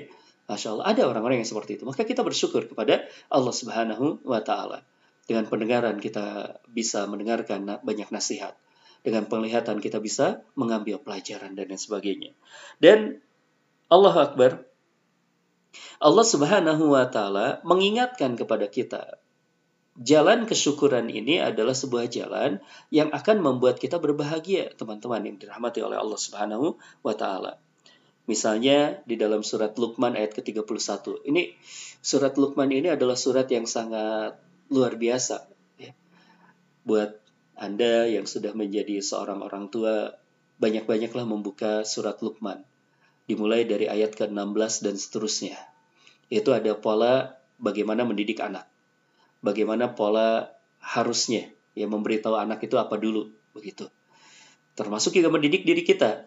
Ya, karena pola uh, kurikulum yang ada di dalam surat Luqman dari mulai ayat ke-16 dan seterusnya itu itu juga bisa diterapkan bukan hanya kepada anak kita tapi juga bisa diterapkan kepada kita. Di antaranya di dalam uh, nasihat Luqman itu kepada anaknya diingatkan yang pertama itu adalah tauhid la tusyrik billah. Itu yang pertama. Kemudian berikutnya, berikutnya, berikutnya sampailah kita kepada ayat ke-31. Di dalam ayat ke-31 ini Allah Subhanahu wa taala mengingatkan, "Wa dana rabbukum la in syakartum la zidanakum." Ayatnya familiar. Wa dan wa dana rabbukum la in syakartum la dan ingatlah tatkala Rabb kalian memaklumkan atau menghimbau atau meminta menyampaikan kepada manusia ini. Apa yang disampaikan oleh Allah Subhanahu wa taala kepada manusia ini, sesungguhnya jika kalian bersyukur, pasti kami akan menambah nikmat kepada kalian. Polanya menarik. Allah dari awal mengingatkan tentang berbagai nikmat yang ini tidak pernah kita minta sudah ada di dalam diri kita. Pendengaran, penglihatan, hati sudah ada, sudah diberikan oleh Allah Subhanahu wa taala. Tinggal bagaimana caranya kita bisa mengoptimalkan itu semuanya. Lalu kemudian kata Allah Subhanahu wa taala, kalau engkau me mensyukuri itu berbagai nikmat yang diberikan oleh Allah itu, Allah Subhanahu wa taala menjanjikan sesuatu, ditambah tuh oleh Allah. Lain syakartum lazidanakum. Barang siapa yang bersyukur kepada Allah, Allah akan nambah nikmat-nikmatnya itu. Akan memberikan tambah kepada kita nikmat-nikmatnya itu. Allah juga menamakan dirinya itu asyakur. Allah Akbar. Ini satu hal yang pemahaman yang sangat luar biasa tuh. Kalau kita sudah sampai kepada asma Allah asyakur, Allah Subhanahu wa taala itu menamakan dirinya asyakur karena apa? Karena Allah sangat menghargai kita sangat bersyukur atas segala apa pun yang kita lakukan, termasuk tatkala kita bersyukur atas nikmat Allah, Allah bersyukur kembali atas syukur kita. Kan luar biasa sekali ya. Kita bersyukur atas nikmat Allah, lalu kemudian Allah bersyukur atas syukurnya kita kepada Allah. Ini salah satunya Allah asyakur. Dan Allah juga menamakan orang-orang yang pandai bersyukur itu dengan orang yang pandai bersyukur gitu ya. Satu akar dengan asyakurnya itu. Ini berarti ketersambungan kita dengan Allah itu salah satunya adalah di sebuah jalan yang namanya jalan syukur itu. Allah menamakan dirinya syakur, lalu kemudian kita juga menjadi abdan syakur, menjadi hamba yang pandai untuk bersyukur. Nyambungnya lewat satu kalimat yang namanya kalimat syukur itu. Keterhubungan kita dengan Allah subhanahu wa ta'ala. Masya Allah. Ini penting sekali berarti. Siapa pun yang ingin terhubung dengan Allah, kita sudah menemukan caranya. Caranya seperti apa? jadilah kita sebagai hamba yang pandai untuk bersyukur. Sampai pernah Rasulullah Shallallahu Alaihi Wasallam itu Rasulullah itu kan punya sahabat-sahabat yang memang sahabatnya itu uh, berbeda-beda ya. Ada sahabat-sahabat yang sangat dicintai oleh Rasulullah Shallallahu Alaihi Wasallam. Di antaranya yang sangat dicintai oleh Rasulullah itu adalah yang namanya Muaz, sahabat Muaz. Rasulullah pernah datang kepada Muaz. Dia berkata, Demi Allah wahai Muaz, aku benar-benar mencintaimu. Ini Rasulullah tuh sama sahabatnya itu penuh dengan perhatian. Ya. Ya, jadi sahabatnya itu selalu merasa diistimewakan oleh Rasulullah, termasuk Muaz. Langsung Rasulullah berkata kepada Muaz, Muaz sesungguhnya aku mencintaimu, masya Allah. Dan sebagai satu bukti cintanya Rasulullah Shallallahu Alaihi Wasallam kepada Muaz, Rasulullah Shallallahu Alaihi Wasallam mengajarkan sesuatu. Jadi ini uh, bentuk cintanya Rasul kepada Muaz. Dan Alhamdulillah sampai kepada kita hadisnya ini. Ya. Sehingga kita pun bisa mudah-mudahan kategori dicintai oleh Rasul juga kita bisa dapat. Caranya seperti apa?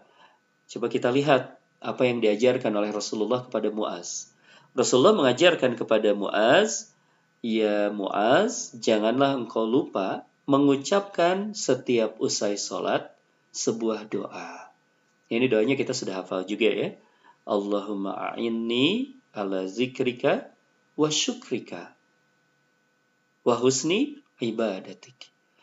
Kita diajarkan, Muaz diajarkan pada saat itu oleh Rasulullah Shallallahu Alaihi Wasallam sebuah doa yang sangat indah. Ya Allah, tolonglah aku. Ya Allah, tolonglah aku. Ya Allah, tolonglah aku ala zikrika untuk mengingatmu wa syukrika dan untuk bersyukur kepadamu. Wa husni ibadatika dan untuk beribadah dengan baik kepadamu. Luar biasa sekali. Ya. Ini yang diajarkan oleh Rasulullah saking mencintainya Muaz. Dan doanya masuk, doanya kemudian sampai juga kepada kita. Kita pun bisa mengucapkan doa seperti ini boleh. Kita berdoa kepada Allah dengan tiga permintaan ini. Allahumma a'ini ala zikrika. Kenapa diawali dengan zikrika? Kita mengetahui bahwa ada sebuah ayat yang ini mengingatkan. Ala bizikrillah tatma'inul qulub. Sesungguhnya hanya dengan mengingat Allah lah hati akan menjadi tentram. Sesungguhnya hanya dengan zikirlah kita ini bisa menjalani kehidupan kita dengan tenang, dengan tentram. Maka Rasulullah Shallallahu Alaihi Wasallam mengajarkan kepada Muaz terlebih dahulu jadilah ahli zikir. Jadilah orang yang senantiasa mengingat Allah. Kehidupan kita ini terlalu sulit kalau kita tidak hadapi dengan zikir. Kehidupan kita ini terlalu berat kalau kita tidak mengingat nama Allah. Tidak mengingat nama Allah Ar-Razak, maka kita menjadi khawatir tentang rizki kita. Lupa bahwa Allah itu Ar-Rahman, maka kita menjadi resah. Lupa bahwa Allah itu Al-Wadud, maka kemudian kita merasa sendirian. Lupa bahwa Allah itu Al-Ghafur, lalu kemudian kita terjebak di dalam uh, kesalahan kita dan tidak mau bertobat, putus asa atas ampunannya Allah, lupa bahwa Allah itu adalah uh, al-afu yang bukan hanya mengampuni tapi menghapuskan dosa-dosa kita. Sehingga orang yang lupa terhadap Allah al-afu menjadi orang yang seuzon kepada Allah, berprasangka buruk kepada Allah. Sehingga tatkala dia melakukan kesalahan, dia tidak mau kembali kepada Allah. Dia merasa sudah tidak layak lagi di hadapan Allah Subhanahu wa taala. Padahal Allah menamakan dirinya Al-Afu. Maka betul kata Rasulullah Shallallahu alaihi wasallam kepada Muaz, jadilah yang pertama kali untuk menjadi hamba yang semakin hari semakin dicintai oleh Allah, jadilah ahli zikir. Mulai hari ini dengan mengingat Allah. Mulailah hari-hari kita dengan memperbaiki ingatan kita berkenan dengan Allah. Memperbanyak kita menyebut nama Allah memperbaiki ilmu kita tentang Allah Subhanahu wa taala. Fa'lam annahu la ilaha illa anta. Fa'lam annahu la ilaha illallah. Ilmui tentang Allah Subhanahu wa taala. Ketahui asma wa sifatnya Allah. Sehingga kita bisa menjadi tenang, pribadi yang tenang, pribadi yang tentram. Sehabis itu, kita akan sampai kepada wasyukrika. Menjadi hamba yang pandai untuk bersyukur. Semakin kita kenal dengan Allah, makin kita bersyukur makin kita kenal dengan cintanya Allah, makin kita ini Allah Akbar ya. Rasanya tuh meleleh Kalau bahasanya Ibnu Qayyim seperti itu. Seandainya engkau mengetahui, seandainya engkau paham, memahami tentang cintanya Allah kepadamu, maka hatimu akan meleleh karena cinta kepada Allah. Hatimu yang akan meleleh karena cinta kepada Allah Subhanahu wa taala. Ini luar biasa sekali. Tapi banyak orang yang tidak mencoba untuk memahami cintanya Allah sehingga uh, tidak bersambung kepada Allah. Sulit untuk menjadi hamba yang pandai untuk bersyukur. Padahal pintu masuknya dari situ terlebih dahulu. Kenali Allah. Kenali bagaimana kasih sayangnya Allah. Kenali bagaimana kemudian Allah Subhanahu wa taala itu mengurus kita bahkan tatkala kita lupa kepada Allah. Tatkala kita lupa kepada Allah, Allah tidak lupa kepada kita. Tatkala kita bermaksiat kepada Allah, Allah bahkan tidak meninggalkan kita. Bukti Allah Subhanahu wa taala masih memberikan kesempatan kepada kita untuk bertobat. Kesempatan untuk kita masih bisa berdiri, ruku, sujud dalam sholat kita. Di tengah hinanya kita ini, di tengah banyaknya kesalahan kita ini, tuh Allah masih menerima kita untuk kembali. Masya Allah. Allahumma a'ini ala zikrika wa syukrika wa husni ibadatik. Lalu kita pun sampai kepada tiga permohonan. Nah, permohonan yang ketiga yaitu kita meminta kepada Allah ya Rasulullah mengajarkan Muaz pada saat itu agar bisa kita beribadah baik kepada Allah karena untuk menjadi hamba yang uh, abid hamba yang beribadah dengan benar kepada Allah pun kita membutuhkan pertolongan dari Allah Subhanahu wa taala. Nah, ini bukti kecintaannya Rasulullah Shallallahu alaihi wasallam kepada Muaz. Ketika Rasulullah mencintai Muaz, maka kemudian Rasulullah mengajarkan sebuah doa yang salah satu unsur di dalam doanya itu adalah mohon kepada Allah agar dimasukkan ke dalam golongan hamba yang pandai untuk bersyukur. Baik, nah sekarang kita masuk ke inti. Satu inti dari ukuran kesyukuran kita. Tadi kita sudah memahami bahwa ibadah kita ini diukur dengan seberapa bersyukur kita kepada Allah. Ini kita memerlukan lagi ukuran nih, seberapa bersyukurnya kita kepada Allah itu. Ibnu Qayyim di dalam sebuah kitab beliau yaitu Madarijus Salikin, beliau mengukur dengan lima hal. Kata beliau bahasa aslinya itu adalah di, dikatakan syukur itu dilandaskan kepada lima sendi. Lima poin. Lima sendi. Kalau sendi itu berarti kan poros ya. Jadi berputar. Jadi kalau misalnya itu ada, mudah gerakannya kita. Kalau itu nggak ada, sulit, ya, serat nantinya kita. Dan apa yang lima sendi itu? Yang pertama kata Ibnu Qayyim adalah orang yang bersyukur itu diukur dengan ketundukannya terhadap yang dia syukuri. Orang yang bersyukur diukur dengan ketundukannya kepada yang dia syukuri. Kalau kita misalnya bersyukur kepada Allah, kita mengaku nih bersyukur kepada Allah, ukur dengan ketundukan kita. Ketika datang perintah dari Allah Subhanahu wa taala, seberapa baik respon kita? Ketika Allah Subhanahu wa taala memerintahkan kepada kita, "Hayya 'alas shalah." Mari kita salat. Bagaimana respon kita? Ketika Allah Subhanahu wa taala memerintahkan kepada kita, "Wa'atuz zakah." Tunaikanlah zakat. Bagilah hartamu kepada orang-orang yang berkekurangan, pada orang-orang yang miskin, apalagi di masa sekarang ini. Banyak orang yang kehilangan pekerjaannya, banyak orang yang kehilangan sumber mata pencahariannya. Kita harus berbagi bersama dengan mereka. Bagaimana kita merespon itu semuanya? Ini ada perintah. Atau tatkala kemudian juga ada larangan dari Allah Subhanahu wa taala. Seberapa bagus tunduk kita kepada larangan itu? Ketika Allah Subhanahu wa taala melarang kita untuk uh, bergibah misalnya. Tatkala Allah Subhanahu wa taala melarang kita untuk tidak berurusan dengan riba. Tatkala Allah Subhanahu wa taala melarang untuk kita berurusan dengan yang namanya hal-hal yang haram. Bagaimana respon kita? Bagaimana ketundukan kita? Ya. Kerap kali kan kalau kita bicara tentang yang haram ini sering kali dibentur-benturkan dengan banyak hal. Nah, misalnya salah satunya ketika di wabah kasus ini, ya, ada seorang sahabat hari ini juga mudah-mudahan sedang uh, bergabung nih ya malam hari ini. Ada seorang teman kami, sahabat kami cerita, ada seseorang yang mengatakan pada kami, pada saya kata dia, seandainya kemudian uh, virus corona ini ada obatnya, Dan seandainya kemudian di dalam obatnya itu ada unsur haramnya, bagaimana sikap kita sebagai seorang mukmin? Pertanyaan dari sananya sebenarnya masih netral tuh.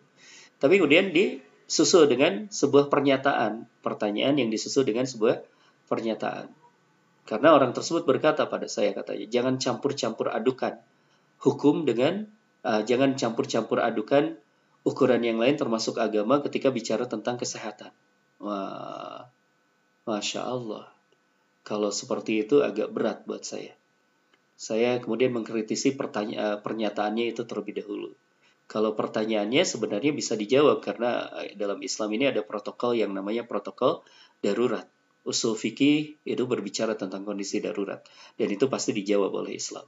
Tapi pernyataannya itu yaitu bagaimana uh, ketika ada sebuah pernyataan, statementnya yaitu seolah-olah ingin melepaskan kehidupannya dengan yang namanya keinginan-keinginan Allah.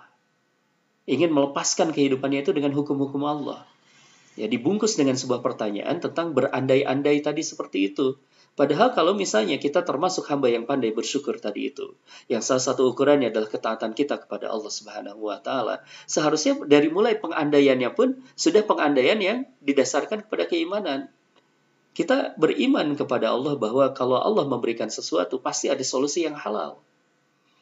Maka ketika Allah Subhanahu wa taala memberikan kepada kita batasan ini haram, ini halal, uh, itu pasti bisa kita hindari, pasti bisa kita hindari, pasti bisa kita hindari berkenaan dengan hal tersebut. Jadi jangan takut. Pasti ada obat yang halal berkenaan dengan hal ini, pasti itu. Ini keimanan kita berbicara. Tapi selama belum ditemukan eh, obat yang halal itu, nah nanti bicara tentang protokol kedaruratan itu berbeda. Tapi statementnya, mindsetnya kita itu harus mindset orang yang beriman terlebih dahulu. Jangan sudah sejak, sejak awal kita ingin melepaskan dari ketaatan kita kepada Allah. Tidak bisa itu. Kita ini namanya muslim. Muslim itu adalah menyerah. Menyerah kepada siapa? Menyerah kepada Allah. Tatkala kita kemudian tidak mau taat kepada Allah, ya tidak uh, bisa lagi kita disebut sebagai seorang yang namanya muslim nggak bisa gugur kita uh, disebut sebagai muslim. Tidak bisa lagi kita disebut sebagai muslim. Itu yang pertama ya. Uh, ini sejauh mana kita taat maka sejauh itulah kita disebut sebagai hamba yang pandai untuk bersyukur ya. Kemudian yang kedua sendi yang kedua kalau kita ingin disebut sebagai orang yang pandai untuk bersyukur itu adalah orang uh, sendi yang keduanya ini adalah mencintai Allah. Wah ini kalau bahasan tentang mencintai Allah ini panjang sekali tuh urusannya ya. Kalau mencintai, kalau tadi kan taat terhadap aturan, taat itu biasanya ya hanya seperti itu. Uh, kita misalnya, maaf ini ya, perumpamaan hanya untuk memudahkan pemahaman saja. Kadang-kadang ketika misalnya Anda uh, pergi ke jalan raya pakai motor, saya pakai motor. Anda bisa pakai helm, helmnya sembarangan helmnya. Kenapa pakai helm sembarangan? Ya, yang penting nggak ditangkap sama polisi lah. Jadi takutnya sama polisi. takutnya sama polisi. Padahal seharusnya kita bisa berpikir lebih tentang hal itu. Kenapa kemudian uh, kita tidak pakai helm yang bagus, yang standar keamanan gitu? Uh, mungkin ada orang yang berkata, atau sayang lah. Yang penting kan tidak dicegat sama polisi. Bukan seperti itu. Tapi kita ketika mau pakai helm yang bagus itu, nah masuk ke dalam satu hal Ketika ditanya ini helmnya oh, mahal sekali, bagus sekali. Kenapa pakai helm yang seperti itu? Karena saya mencintai kepala saya. Saya mencintai diri saya. Ini aset saya nih. Kepala saya ini aset. Maka harus dilindungi dengan helm yang baik. Agar apa? Jadi uh, aset saya terlindungi. Bukan hanya sekedar takut kepada polisi, tapi mencintai sesuatu. Nah begitu pula kalau kita kemudian juga mencintai Allah Subhanahu Wa Taala. Meskipun tadi mohon maaf itu uh, analogi untuk memudahkan saja untuk kita memahami tentang cinta. Cinta itu menghadirkan sesuatu yang namanya itu adalah totalitas. Itu cinta tuh. Cinta tuh menghadirkan bukan hanya sekedar, tapi kemudian yang paling. Bukan hanya sekedar, tapi paling. Itu cinta. Tuh. Seperti itu. Kita mencintai ibu kita. Kita memberikan yang paling baik kepada ibu kita kita mencintai sesuatu, kita jaga tuh. Kita mencintai Allah, maka kemudian apa pun yang kita persembahkan kepada Allah, itu pasti kita hadirkan yang paling baik. Kalau kita ibadah, ibadah yang paling baik. Kalau kita sholat, sholat yang paling baik. Kalau kita sedekah, sedekah yang paling baik. Kalau kita uh, melakukan sesuatu karena Allah, itu pasti totalitas tuh. Sehingga kita menjadi orang yang profesional, mencintai Allah. Profesional ya. Itu menghadirkan yang paling baik. Sehingga wajar tuh. Uh, Ibnu Qayyim memporoskan atau mensendikan seorang yang bersyukur itu dengan cinta. Mencintai Allah Subhanahu wa taala. Pokoknya kalau urusan Allah, wah udah habis-habisan deh ya kita ini. Nah itu baru disebut sebagai hamba yang pandai untuk bersyukur. Kalau kita belum mencintai Allah, uh, belum untuk kita. Ya, ini jadi ingat juga sebuah perkataannya Imam Syafi'i untuk kita. Salah satu cara untuk mengukur cinta kita, sejauh mana cinta kita kepada Allah. Kata Imam Syafi'i, tidak mungkin seseorang itu bisa sampai kepada kecintaan kepada Allah kalau di dalam hatinya masih ada bayang-bayang cinta terhadap dunia. Di situ ukurannya salah satunya. Sejauh mana kita mencintai Allah itu adalah seberapa kemudian kita memperlakukan dunia. Kalau kita tidak mencintai dunia, ah, mencintai dunia itu tidak mencintai dunia itu tidak berarti kemudian kita meninggalkan dunia. Tapi kita tidak terpaut hati kita ini, tidak menjadi budak atas dunia ini. Maka tatkala kita sudah seperti itu, berarti kita sudah benar-benar mencintai Allah Subhanahu wa taala. Itu yang kedua. Kemudian yang berikutnya yang ketiga, salah satu sendi seseorang itu disebut hamba yang pandai untuk bersyukur kepada Allah adalah mengakui nikmat-nikmatnya. Mengakui nikmat-nikmatnya. Sering saya sampaikan juga sebuah kisah tentang Sulaiman alaihissalam ketika Sulaiman diberikan banyak kelebihan oleh Allah Subhanahu wa taala, dia mengakui bahwa ini semuanya adalah nikmat dari Allah Subhanahu wa taala. Caranya seperti apa? Lewat ucapan tuh. Dia kedengaran lewat ucapannya itu. Terlihat lewat ucapannya itu. Dia mengembalikan semua nikmat itu kepada Allah, mengucapkan alhamdulillah. Bahkan tatkala ditanya oleh orang-orang tentang segala nikmat yang diberikannya itu, beliau berkata, "Hadza min fadli Rabbi." Bahwa sesungguhnya ini semuanya adalah kebaikan dari Tuhanku. Mengakui ini nikmatnya dari Allah. Mengakui ini tuh semuanya adalah kebaikan dari Allah saja. Gitu ya. Ini yang pertama. Eh, yang ketiga berarti ini sudah yang ketiga. Poros yang ketiga. Poros yang keempat, seseorang disebut sebagai hamba yang bersyukur itu adalah memuji Allah karena nikmat itu. Ini ada hubungannya memang dengan yang ketiga. Memuji Allah, mengembalikan segala pujiannya itu kepada Allah Subhanahu wa taala lisannya itu banyak menyebut nama Allah. Uh, itu salah satu ukurannya orang mencintai sesuatu atau seseorang. Kalau misalnya ada seseorang mencintai mobil merek tertentu, uh, biasanya kalau ngobrol apa pun itu keluar tuh obrolan tentang merek mobil itu. Ya. Kalau dia mencintai salah satu hobi, misalnya dia mencintai apa begitu, dia pasti bicara tentang itu terus. Nah, maka salah satu bentuk uh, rasa syukur seseorang, terukur rasa syukurnya seseorang itu tadi karena dia sudah mencintai Allah, maka apa-apapun tuh ucapannya itu selalu terhubung dengan Allah. Kalau dia mendapatkan makanan dan minuman, dia sedang makan dan minum, dia ingat kepada Allah, lalu kemudian lisannya mengucapkan rasa syukur kepada Allah. Diteguhkan pertama, dia sudah mengucapkan Alhamdulillah ya Allah, Engkau sudah mengirimkan kepadaku yang namanya air. Ketika kita makan, kita kemudian bersyukur Alhamdulillah ya Allah makanan ini masih sampai juga kepadaku. Lalu kemudian kita pun bersyukur ketika kita merasakan asin, pedas, rendang tuh. asin, pedas kita masak, kita makan. Ah, ini ternyata lidahku masih berfungsi dengan baik ya Allah. Alhamdulillah, terima kasih ya Allah. Masuk ke tenggorokan kita. Alhamdulillah ya Allah. Ini lancar di tenggorokan. Masuk ke perut kita kenyang alhamdulillah ya Allah kenyang gitu ya. lalu kemudian dari itu uh, mendapatkan sebuah energi alhamdulillah ya Allah ini sudah ada modal lagi untuk apa? Untuk melaksanakan ketaatan kepadamu masya Allah. Ya, seperti itu tuh orang-orang yang memuji Allah karena nikmatnya. Itu adalah salah satu ukurannya seseorang tersebut disebut sebagai hamba yang pandai untuk bersyukur atau tidak. Terakhir yang kelima Orang yang bersyukur itu adalah dia tidak menggunakan nikmat itu untuk sesuatu yang dibenci oleh Allah. Ini yang paling uh, penting. Ya. Kalau kita diberikan sesuatu oleh Allah, entah itu diberikan yang namanya keluangan harta. Maka pergunakan harta itu jangan sampai harta kita ini digunakan di jalan yang tidak dicintai oleh Allah atau bahkan yang dibenci oleh Allah. Kalau misalnya Anda dikaruniakan oleh Allah, dititipi oleh Allah perusahaan, karyawan, maka pergunakan semuanya itu. Amanah itu pergunakannya untuk sesuatu yang dicintai oleh Allah Subhanahu wa taala.